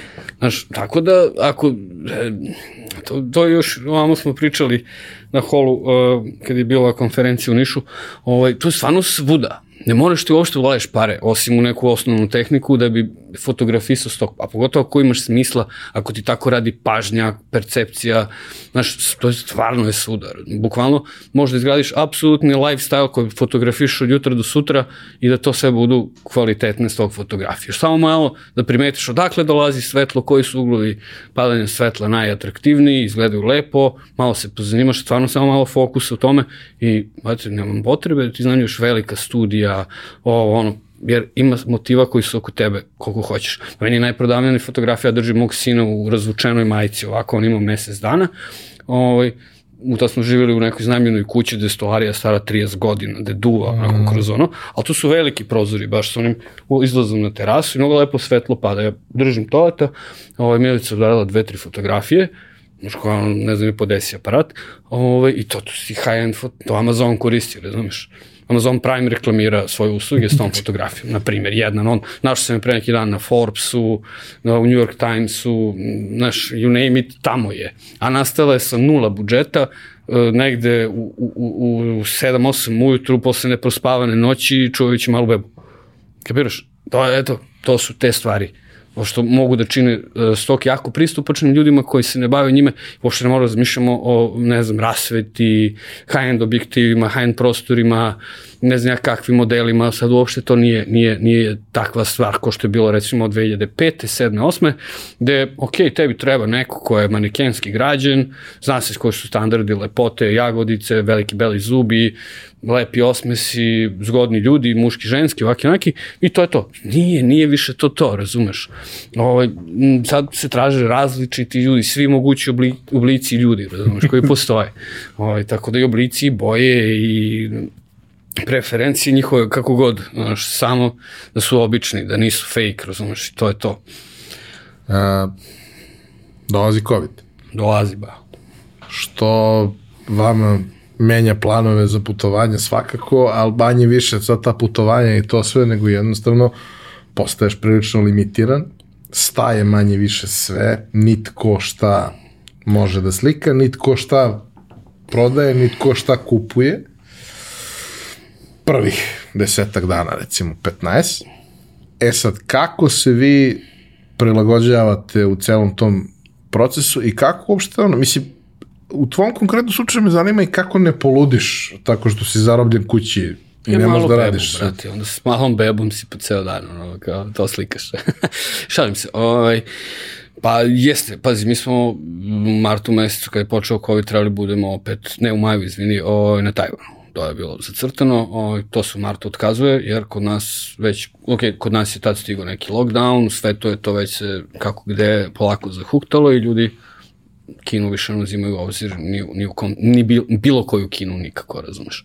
Ovaj, e sad, tu se javlja fenomen gde se pojavljuje COVID koji sa sobom donosi ovaj, razne neka pravila koja estetiku, se, i estetiku koja, koja se jednostavno vidi. Razumeš, ti kad staviš masku, to znači da je COVID jer u tom momentu svi moraju da se maske. Ili neka druga biološka katastrofa, ali, ali trenutno nebitno, COVID. u momentu u kome pričamo isključivo COVID. Razumeš, znači maska se nosi zbog COVID-a, ne nosi se zbog kijevice, nekog sezonskog gripa ili bilo čega, nije kolera. COVID je, razumeš. Ovaj, znači, treba ti maske u supermarketu, maske u banci, maske u školi, maske na bilo kom javnom mestu. I prva stvar koju smo mi uradili, sve se s cakijem, on povede sina, nje, tak ima 50 godina kolega, ovaj, miksa 15-16, ovaj, kao, ajde idemo iza supermarketa na parking, ovaj, mi se ja turimo maske, ti nas slika snimaš, napravimo ovaj, COVID set, ajde, baš da vidimo naš, ajde. I roknuo mi to. Sad ću se ja snimio ovako iz ruke, sa prednjih sedišta, oni dvojice stvaraju gepek, ovaj, ubacuju brašno, moje vode, toalet papir, znaš, i zatvaraju. I to bude klip koji je narednih šest meseci do godinu dana, ne znaš koliko, ovaj bio prvi na Getty Images kada ukucaš COVID-19. Razumeš, to je. I šta to znači? Znači da pravi pare. znači da jednostavno, kogod da kuca COVID-19 u trenutku kad, ja mislim su oni nešto rekli da to onaj tag koji je 15, 6, 17 hiljada posto ja, ono, odskočio u tom momentu. Znači, ko šta radi? Svi su zatvoreni u kućama, ceo svet. Šta oni rade? Sede i drndaju internet na telefonu ili na računaru, svi su na netu. Šta treba? Šta onda treba? Treba kontent. Razumeš? E, mi pravimo taj kontent. A, ne, a, ne a da nema ga, ga nigde. Razumeš, ima jedna priča da smo one, kako se zove, one pregrade. Paravane. One. Paravane, da. I sad, slikali mi nešto, napravili od stakla te pregrade i zaključili te slike odmah sutra dan i ovaj, javlja se problem koja je ključna reč za ovo znaš, treba kucaš keyword dole na dnu, ovaj, nemamo pojma, kao, pitamo ovu jednu koja je radila kao contributor service, a i lebati kao sut, mislim lebati, ona iz Kanade nije to rekla, ne, aj lebati, sad ti se javim sutra, aj kao, rekao, aj lebati, javim se sutra, kao hiće mi, hoću što pre da ovo, jel, penetriramo internet, ovaj, da vidim kako će, ovaj, šta se desi. Javlja ona kao, uneli smo Snizgard, uneli smo Snizgard, nije ga bilo, Razumeš? No, u tom momentu je to kao rešenje, gde ceo svet prepoznaje kao rešenje. Pojavilo se negde, mi smo to videli, nismo ga mi izmislili, ali smo ga mi maltene prvi penetrirali u sajt. Razumeš? Ove, ovaj, gde su oni morali da unesu ključnu reč i opet, šta to znači? Taj sadržaj je odmah tišao gore, odmah petice na algoritmu, sve u vrh. Znači, ti čemu ima onaj best match, da ti klikneš, to je u prvi red sve i ništa. Mi ne bili lenji, jel? Ovo, to smo jednom rekli. I idemo banka, idemo škola, idemo i to sve u studiju. Apoteka. Apoteka, bajok, samo, znači šta smo mogli da izgradimo, mi smo to gradili, pravili i slikali, brate, te, znači čekaonica, gde se ljudi sede s maskama, pa jedna stolica ima na X ili neko obaveštenje da se ne sme. Ovaj, I to je to, znači, us, a sad, sad je lockdown, nije lockdown, lockdown, nije lockdown, znači mi hvatamo neke mesta, pa je sad problem okupiti ljude, pa, znači, bilo je hiljadu nekih izazova na koji način to ovaj, izvesti, ali smo uspeli, što se kaže. Tako da, eto, to je, to je taj to je bio COVID. Sad COVID je bio, ovaj, rezultati što se tiče COVID-a su bili aktuelni 7-8 meseci, tipa do kraja te godine, 2020 o, već 2021. to je imalo nagli pad ovaj, i malte, manje više sad su skoro bezvredni. Razumeš sad, to je, nisu aktualni, više niko ne piše o COVID-u. Možda tu i tamo neko kupi za neku dokumentaristiku, dokumentarni film da se prepriča šta se dešavalo, ovaj, o, ali nije više toliko aktualno ko što je bilo. Ovaj, A kako se vama organizacija vratila u neku normalu, odnosno šta je značilo to što, ok, nema više lockdown, to više nije toliko aktuelna tema ili ok, jeste, ali je jedna od, pa, da, pa dobro. nećemo raditi samo to. Kako ste se vi lagano vraćali u ritem i u kom trenutku ste ponovo počeli da planirate i da putujete? Pa znaš šta, ovaj, skoro da nismo ni počeli da planiramo da putujemo, ovaj, jes, ja sam bio na Tajland dva puta, ali mm, nismo se nešto ozbiljno organizovali od prestanka COVID-a do sada ovaj, neke ozbiljne ekspedicije obavimo. Drugo, ni Aistok ni Geti se ne usuđuje da organizuju bilo kakav događaj, što da li zbog COVID-a ili zbog drugih geopolitičkih dešavanja, nemam pojma, ta recimo bila ideja da se opet Taipei, Taipei je postao onako vruć, što se nekih stvari tiče pogotovo, Ovaj, mi smo se, jel te, samo nastavili da smo stali s radom kod kuće u Nišu. Ovaj, pa nismo prosto nastavili da putujemo u toj meri kao što smo putovali ranije. To je to. Dobro, kad smo krenuli da se dogovaramo za ovo, vi ste otišli na familijarno na Tajland to, tri meseca. To sam otišao ja. pa dobro, da, to je jedna stvari da na Kopanganu živi Nikola Pečić, kolega, ovaj, prosto ima smisla otići tamo i praviti manje više ekskluzivne sadržaje, ono, prelepo ostrovo sa najrazličitim ljudima koje postoji, jer to zapravo jeste Tajland, nije Tajland. Nije Tajland u, smi, jeste Tajland u teritorijalnom smislu i u političkom, ali nije Tajland zato što tamo prosto živi jedna međunarodna zajednica ekspata koji eto, uživaju na tom ostrovu i grade ga na neki svoj način. Mislim, ima Tajlanđana, ali mnogo više ima stranaca, što znači da ima diverziteta u najširem mogućem smislu, ovaj, što je ono što nama ovde najviše nedostaje. Pa smo eto, se bavili time ovaj, tih tri meseca, dva i po meseca na Tajlandu. A ovaj, ono, ljudi koji su bili i proveli neko vreme i tako dalje, kažu da, ok, ako pričamo o Tajlandu i uopšte o tom delu kažem, planete. Azije, Indokine, da u suštini pričamo o tome da kao postoji Bangkok, ništa nije uporedivo, ono kao, to je preogromno, to je da. New York na svoj način i to da. sve. Ostalo je ostalo i postoje ostrava koja su to, raj na zemlji, kao da. i manje više svaka lepa ostrava, ali sa, sa malo drugačijom populacijom. Uh, zašto toliko ljudi se u poslednjih par godina opredelilo da, da tamo provodi toliko vremena. Jer kao, ok, otići, otići na dve nedelje, otići na tri nedelje i sve, ali mm. ja znam dosta ljudi koji, ono, ispucaju maksimum koliko možeš da ostaneš, to je pa da tri meseca sad. 60 plus 30 dana, da. 60 plus 30 dana, ovaj, znači, faktički tri meseca, koji nisu ljudi koji bi tek tako otišli negde, nego im to zaista prije. Znaš da, ovaj, cela tajlandska kultura, pogotovo na tim manjim mestima, recimo Kopangani je malo ostrvo, manje i od Krfa, ja mislim. Ovaj, taj, tajlanđani su blagi ljudi. Ja, oni vole parice i to je vrlo jasno. Znaš, on će naplati nešto što je moguće skuplje, ti se malo iscenkaš, on će pustiti nešto, nije ni bitno. Ali su ovako vrlo prijetni. Recimo, ja sam bio s malim detetom tri godine, mi gde god da odemo, mali nuče da kaže kopun kap, to je neko dobar dan, kako ste ili šta već. I oni se odušaju si, mali izlazi iz kilo banane, one malečke, domaće, voće, razno kiši, prosto jako prijatni ljudi. Čak mu je igranje s decom tamo mnogo bilo uh, bolje i prijatnije iskustvo igrati se s tajlandskom decom, ovaj, nego sa zapadnjačkom. Mislim, sada gradim neke predrasude, ali tako je bilo. Ovaj, ova su deca besna, ova su deca mirno umerena i prihvataju o, bilo kog drugog. O, ovima nije mogu da priđu, on jedničko stane i hello, hello, ovi samo brnu jodu, razumeš. Ovaj, ok, bilo jezička barijera, ali jezička barijera s tevanđerima ne postoji, šta? Jednu jedinu reč možeš poklopa kao gestikulaciju. Ovaj, Znaš šta, jednostavno ta su ostrava jako lepa, ovaj, neke stvari su jako jeftine, I onda ljudima prosto to odgovara da tamo provode vreme. Šta znam, možda... Da taj hladni deo sezone odu negde gde je to... Jasno, ima par meseci kad su neke intenzivne kiše, ti čak to i na Tajlandu možda preskočiš, ako si na Kopanganu, možda još u Chiang Mai koje je kompletno severno, neka planinska regija koja je jako lepa isto, nema mora, ali ima džungle, šume, specifične vegetacije, specifične arhitekture, kulture, istorije, ovaj, svakako je super, otići i opet, sve što si viš ti negde kontinentalno možeš spontano da to je jeftinije i jeftinije, znači da nije baš tipično turističko mesto, ti bukvalno možeš sa 5 dolara dnevno da isteraš ako si optimizovan kako treba i sa nekim ljudima verovatno to odgovara. Ovaj, drugo, neki dosta ljudi odlaze tamo i spiritualno se nalaze. Ovaj, tamo su, recimo, seksualno slobode zagarantovane, niko ne, te ne gleda. Razumeš, kod njih je kultura, koga oni zovu Lady Boyeva, postoji već 200, 300, 500 godina, razumeš, ima je to najnormalnije. Ti ovde, ako bi bio travestita, možda bi ga zgazili iz kola prvi neki srustirani likovi. Ovo, to tamo ne postoji, razumeš, možda šta hoćeš i ko hoćeš, brate, boli njega uvo. Samo budi korekti, nema da vičaš, razumeš. Nema vikanja, nema svađanja i sve može, to je to.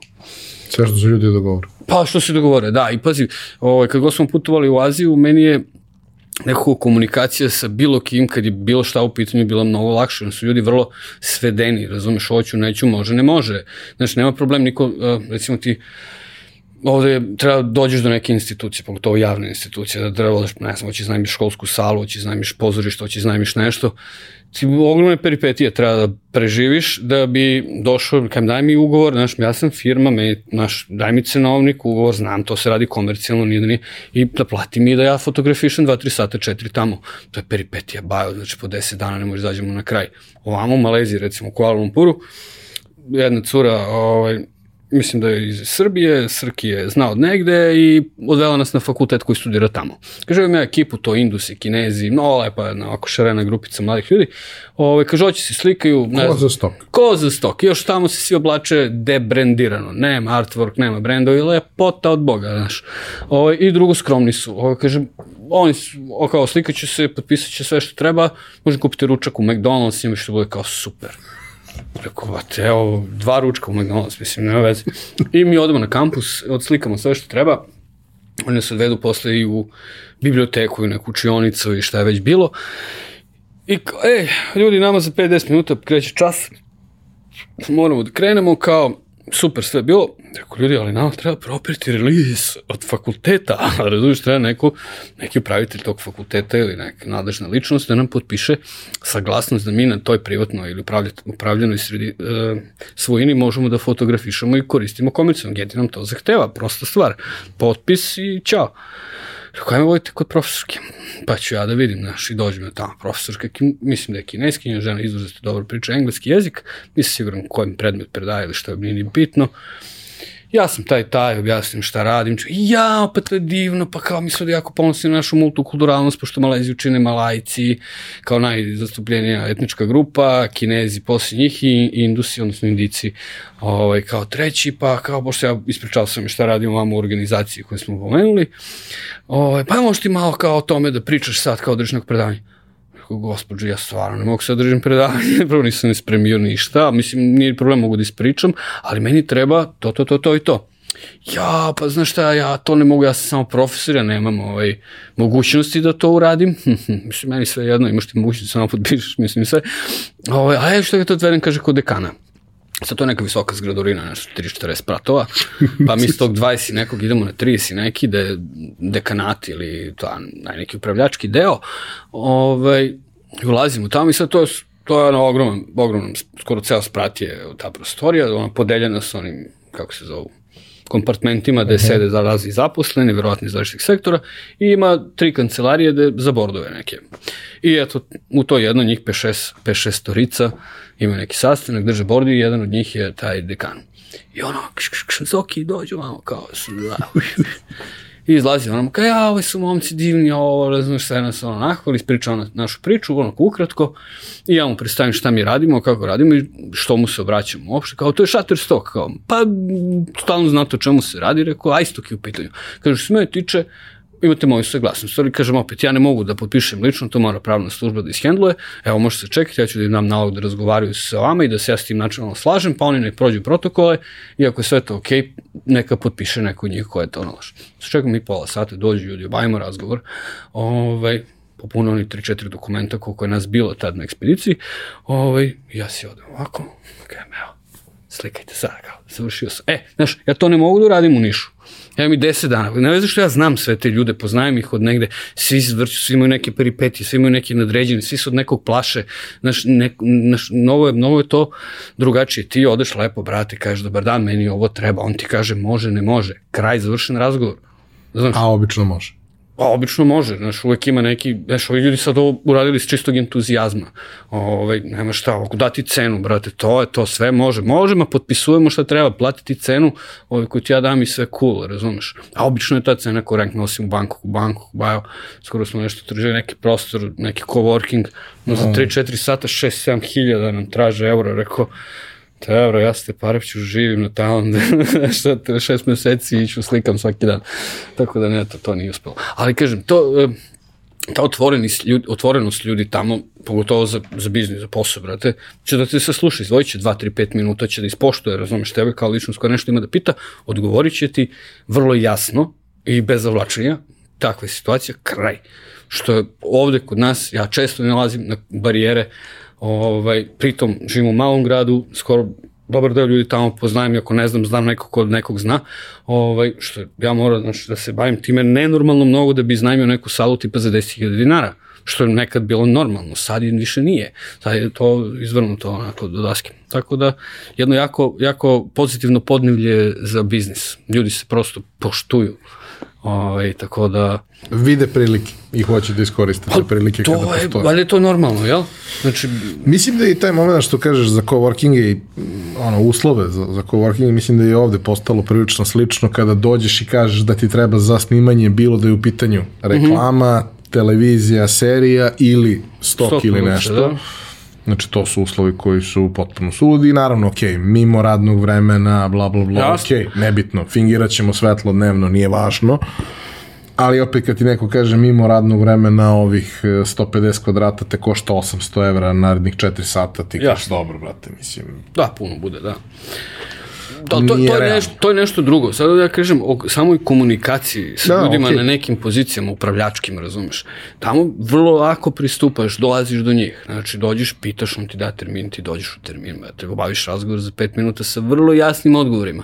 A ja, eto, sa iskustvima iz Niša kažem da je to peripetija u malom Nišu, razumeš. Je, razumemo se, nego prosto imaš i taj moment da ono, verovatno nije došlo 5000 ljudi da fotka na univerzitetu, ali je verovatno došlo 5000 ljudi da fotka coworking i oni su skapirali da mogu da dignu cenu u nebesa. Dobro, mislim, dobro, to je, to je tržišna stvar, bro. tako ima se. ogromna potražnja i on može to da uradi sebi, neko radi, mislim, to, meni je to okej, okay, imaš cenu, meni ne odgovara, pozdrav, čujemo se, nema, mislim, što bi ja sad se natežem s tobom za tvoju cenu, to je tvoja cena, ti toliko ceniš da treba da zaradiš, ja ne mogu toliko platim i Hoću da pitam jednu stvar, ne pitam to često ljude, ali ovo jeste, da kažem, opredeljenje i struka koja, koja jeste fleksibilna u tom nekom smislu. A, šta bi preporučio nekome ko sada razmišlja o svemu tome, pošto stalno imamo te diskusije je li kasno, nije kasno, je li postoji prostor, ne postoji prostor. Ja mislim da nije kasno, samo treba imati realno očekivanje. Pa upravo to, mislim, naravno da nije kasno, nikad nije kasno, mislim što je bilo kasno, pogotovo za neke mlade ljude koji dolaze i imaju drugačije poglede na momenti, oni sad žive svoje živote, ne žive ko što sam ja živao kad sam imao 16 godina, znači skroz drugačije, drugačije su im navike, drugačije stvari rade, što znači drugačije ilustracije njihove generacije treba da postoje. To će mnogo bolje da urade oni nego ja. Razumeš, ja sad imam 40 godina, u moje vreme, kad sam imao 16, to je bilo 2000. godina posle NATO bombardovanja.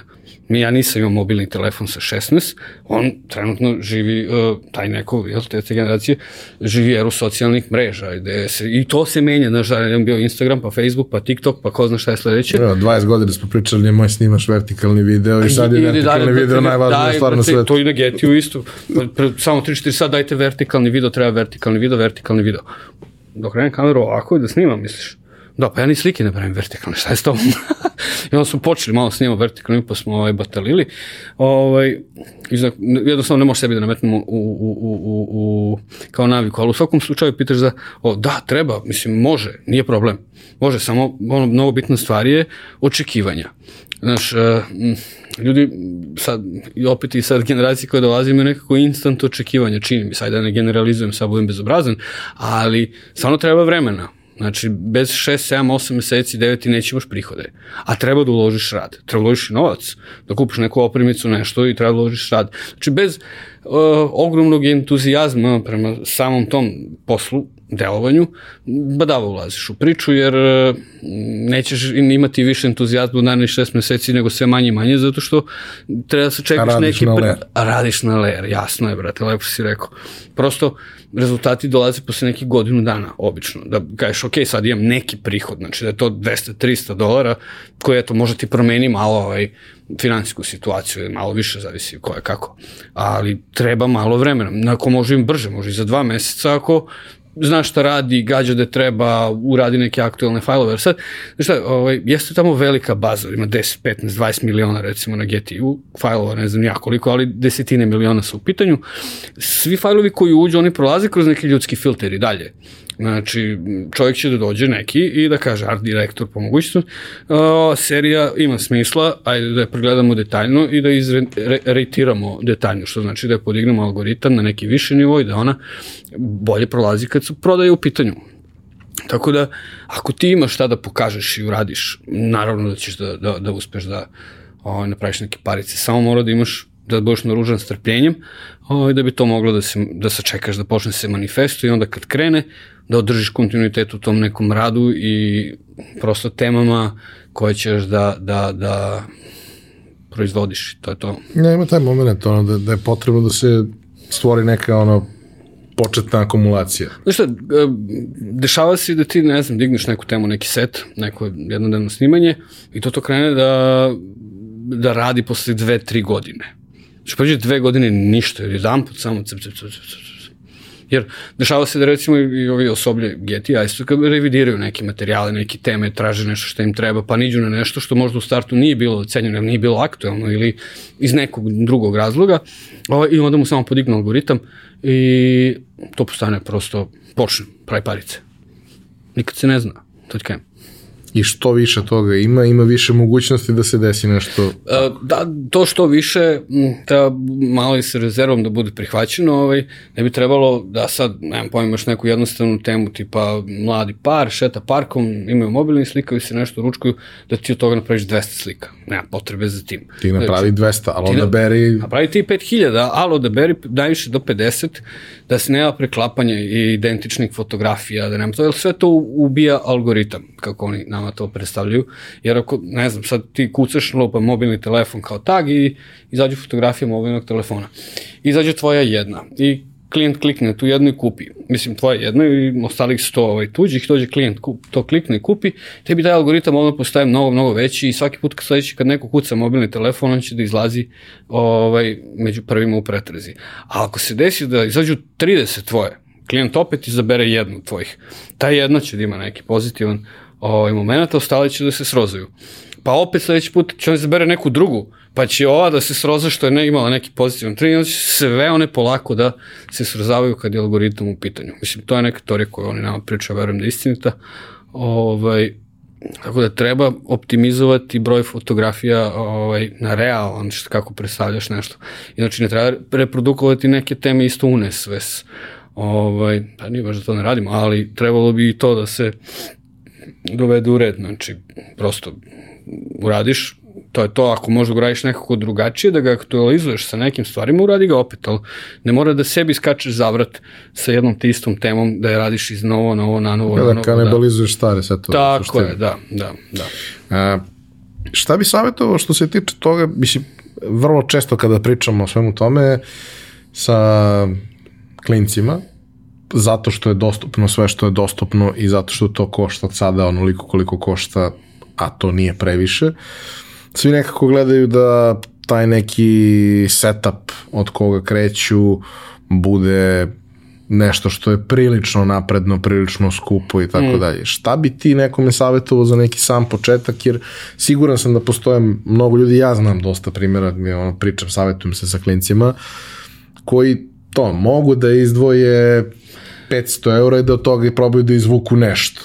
Da. Ili 600 ili... Gledaj, Ivane, ovaj, e, boljim mobilnim telefonom sad možeš da radiš to i da Da, ima dosta zapravo primjera gde... Čak gde, i, i ogromna Getty e, konkretno non stop izbacuje briefovi i traži da se slikaju stvari mobilnim telefonom.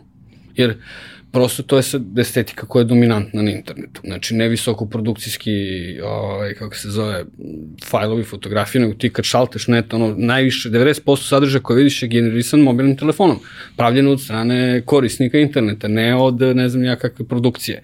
Tako da, samim tim i vizualni trendovi postaju onakvi kakvih mobilni telefon snima. Znači, vertikalno i što manje dofa. To sad postaje, idemo unazad. Znači, sad, po meni isto, mislim, dof će vrlo brzo da prestane da bude atraktivan ljudima, ono, kao mutno u pozadini, jer klinci koji sad rastu, ne, ne, njih to ne interesuje, njemu on snima sa malim senzorom ovaj, mobilnog telefona, koji ne dozvoljava da ti imaš dof osim ako ga ne namakneš kao filter, kao nešto što nije prirodno nastao taj dof kao optička ovaj, posledica, nego kao neki filter s polja. Znači možda izabereš hoću ga ili ga neću. Na, kad si već napravio fotografiju, a ja da bi ga napravio na fotoaparatu moram da šafim objektiv tipa 85-50 na neku širu blendu, pa onda da napravim onako je zanimljivu pozadinu.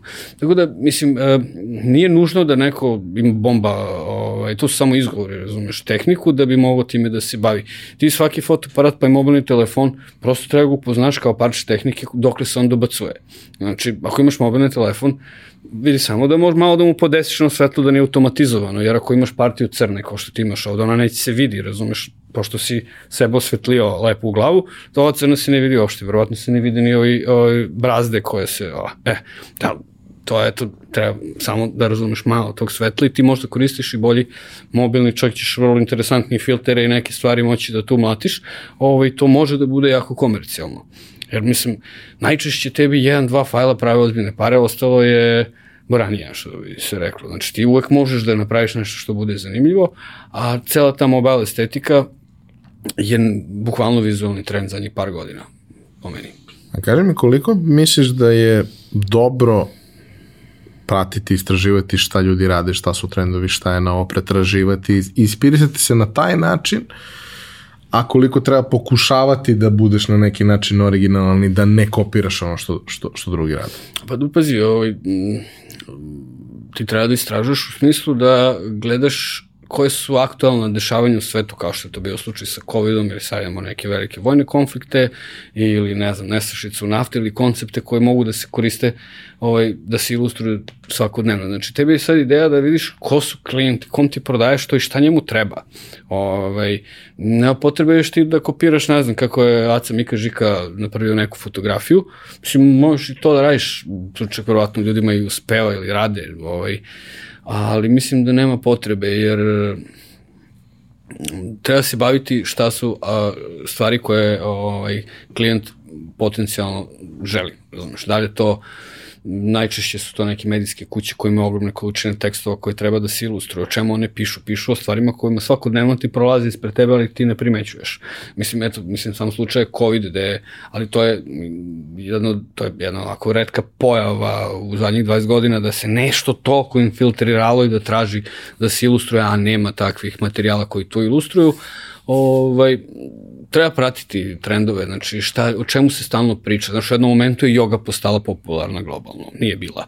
Uh, veganizam, veget, vegetarijan, vegetarianizam, razumeš, sve te stvari koje nekad nisu bile popularne i sad se pojavljuju, znači treba neko to da ilustruje. Daj to, to slikaj, razumeš nemam pojma. Mislim, nekada sad ove, ove stvari jeste, sad to je neki slučaj, da to nekad nije bilo ono, aktuelno previše, nisu ljudi se bavili time, pogotovo neko od nas, pa verovatno ne i u svetu, i oni u jednom momentu postaje, ne znam, različite potrebe da se ljudi hrane, različite religije, različite seksualne opredeljenja, različite profesije, znaš, tu ima toliko toga da se fotografiše na dokumentarnom nivou, da apsolutno nema potrebe da ti sediš i bilo šta smišljaš. Znaš, ja treba, odem u radnju, kaj mogu da slikam u vaš dragstver, mogu da slikam u vaš bioskop, mogu da slikam u vašu staklorezačku radnju, ja kako vam je divna ova bašta i ovaj staklenik ovde, ja ovaj magazin, koliko vam je super, pa imate viljuškar, mogu da se vozim, i ova teta što ima ovo baš sjajno izgleda, znaš, i sad tetu ti, recimo, netipični poslovi među muškarci i žene, to je sjajna tematika, razum, to znači, možeš si življavaš do, do, do, do 101 i nazad, jer to je nešto čemu se trenutno, na čemu se trenutno radi globalno, da, socijalno, gender da, gender equality, balans među muških i ženskih i ovakih nakih. Tako da, nema potrebe gledaš ti šta radi komšija, odnosno ko, kolega kontributor, ali gledaj ti šta imaš oko tebe, šta ti je dostupno, a jeftino ili džabe. Zato mlad, neko ko počinje se bavi stokom, idealno je da ima interesantne prijatelje, da ima kompletnu široku familiju, ljudi koji su prosto ovaj, spremni i hoće i vole i imaju entuzijazma, razumeš, pozitivni su, možda ih fotografiše, razumeš, i koji to dopuštaju i ne traže kompenzaciju. To je, znači, obrni se oko sebe, vidi da si imaš li kučeta, mačeta, pticu, ovaj, ljubimca, familiju, braću, sestru, male bebe, bake, deke, šta god, razumeš. Kogod hoće da ti, može da ti pomogne i želi, oko užeg kruga ljudi koji su oko tebe, pa i nešto šireg, vučeš za rukav dok se ne osposobiš da postaneš već materijalno sposoban da možda platiš nekog simbolično ili više ili manje prosto svi posle isprofilišeš šta radiš, kako radiš. Tako da ima mnogo mogućnosti na koji način početi da se baviš stok fotografijom i videografijom, a da ne podrazumeva da mora da ulažiš ništa osim te neke osnovne tehnike koje imaš u ruku i samo malo da poznaješ dokle se to dobacuje. Recimo, ne možeš mobilnih telefona da očekuješ da snima u mraku. Sto ti opet treba neki veliki senzor, velika blenda, ovaj, pa ćeš i opet ono, da trpi visok ISO i da, a to je već još ulazimo u dubiozu, nemoj se baviš time, jel se ne dobacuješ do toga. Snimaj ono što, što ti tehnika dozvoljava i veruj mi, neš možda i snimaš sve, nego jednostavno probaj da nemaš potrebu da radiš te neke stvari koje ti tehnika ograničava, jer imaš šta da se radi bez toga. A jednog dana Ako sve bude kako treba, doći ćeš do toga da možeš. Skuplja foto i video tehnika samo o, ti donosi komociju radu, ok, za bolje vizualne rezultate i da možda radiš u nekim situacijama gde ranije nisi ni mogao. Znaš, ovaj, ali opet, što ti mora baš da snimaš u mrak? Razumeš, ne moraš, imaš ako si hoćeš, ako si objektivan i želiš se baviš tim kao poslom, budi brate pragmatičan, vidi, ok, dokle se dobacuješ, šta se radi, ovaj, praktičan i bavi se time, ne, nemoj da ideš izvan okvira, pa skupiti parice zaradi, kupi si drugu opremu, ovaj, pa slika mrak, slike koncerte, slika, mislim, koncerti su vratno najteža stvar, mada se ne slika za stok, jako redko, ali... Ti si sad već 15 godina u ovome. Tako nešto, da. Jesi se zasitio? Pa jesam, mislim, donekle jesam, donekle i nisam, evo, mislim, Mm, pokušavam da mislim sebi e, neke druge motive što ću nešto da fotografišem, ne samo da to bude i motivisano sa aspekta posla, znaš. Ove, ovaj, tako da tražim sad na koji način mogu više da se zabavim ovaj, s tim. Ovaj, da nije samo, ok, to je zadatak, to mora da završimo, ovaj, nego prosto zasitio sam se, to si lepo rekao. Ovaj, pa sad tu malo lutamo, tražimo se gde smo, šta smo, ovaj, A koliko stok daje tu mogućnost da kažeš, ok, ajde, ipak ću da se iskuliram par nedelja ili mesec, dva, a ovo će ipak pasivno da radi, pa, možda zašto, ne idealno, ali podržat će me da, neko vreme. Zavisi od situacije u kojoj se nalaziš ti, to je pasivan prihod. Znači ja trenutno prihodujem od nekih materijala koji su čak i pre pet godina snimljeni. Ovaj, uh, pasivan je prihod. Naravno, ti možeš sebi da obezbediš mesec dana odmora bez da se uvatiš za fotoaparat, neće to previše da trpi. E, sad, postoji druga stvar. Ovaj, pored regularnog royalty free stoka, mi trenutno smo dosta angažovani na polju custom kontenta. To je program ovaj, gde klijenti prave briefove, lupam dođe Panasonic i kaže meni treba, ovaj, u briefu piše, meni treba takva i takva porodica, radi to i to, la la la la, ovaj, I to onda šalješ fotografije koje ekskluzivno Panasonicovi ljudi gledaju i odabir, odabiraju šta će da kupe, kupuju po većoj ceni, o, zbiljnoj ceni, ali kupuju, otkupljuju sva moguća prava. E, i sad su to aktivni prihodi. Znači, ti ja apliciram, oni kupe, I to je samo za odabrane kontributore? To mogu da, na Getiju to mogu samo ekskluzivni kontributori da, da ovaj, koriste. Drugo, postoji varijante da oni siduju fondove neke prema tebi, da ti sad ponude, evo ti, ne znam, neke pare, odslikaju ovo, znači imaš zagarantovan taj neki budžet, to dobiješ 100% ako radiš i sad ako ima prodaja ima, ako nema prodaja, tebi to ide na portfolio, pa se prodaje kao neki regularni stok. Ovaj, tako da, znaš, obzirom na sve ove promene, sad imamo malo neku putanju na dole, pa pokušavamo da se kompenzujemo kroz custom content. Ne ide to loše, ali prosto sad eh, malo nam narušava komoditet koji smo za zadnje godina postigli, a to je da živimo potpuno pasivnog prihoda, gde radimo kada hoćemo i koliko hoćemo.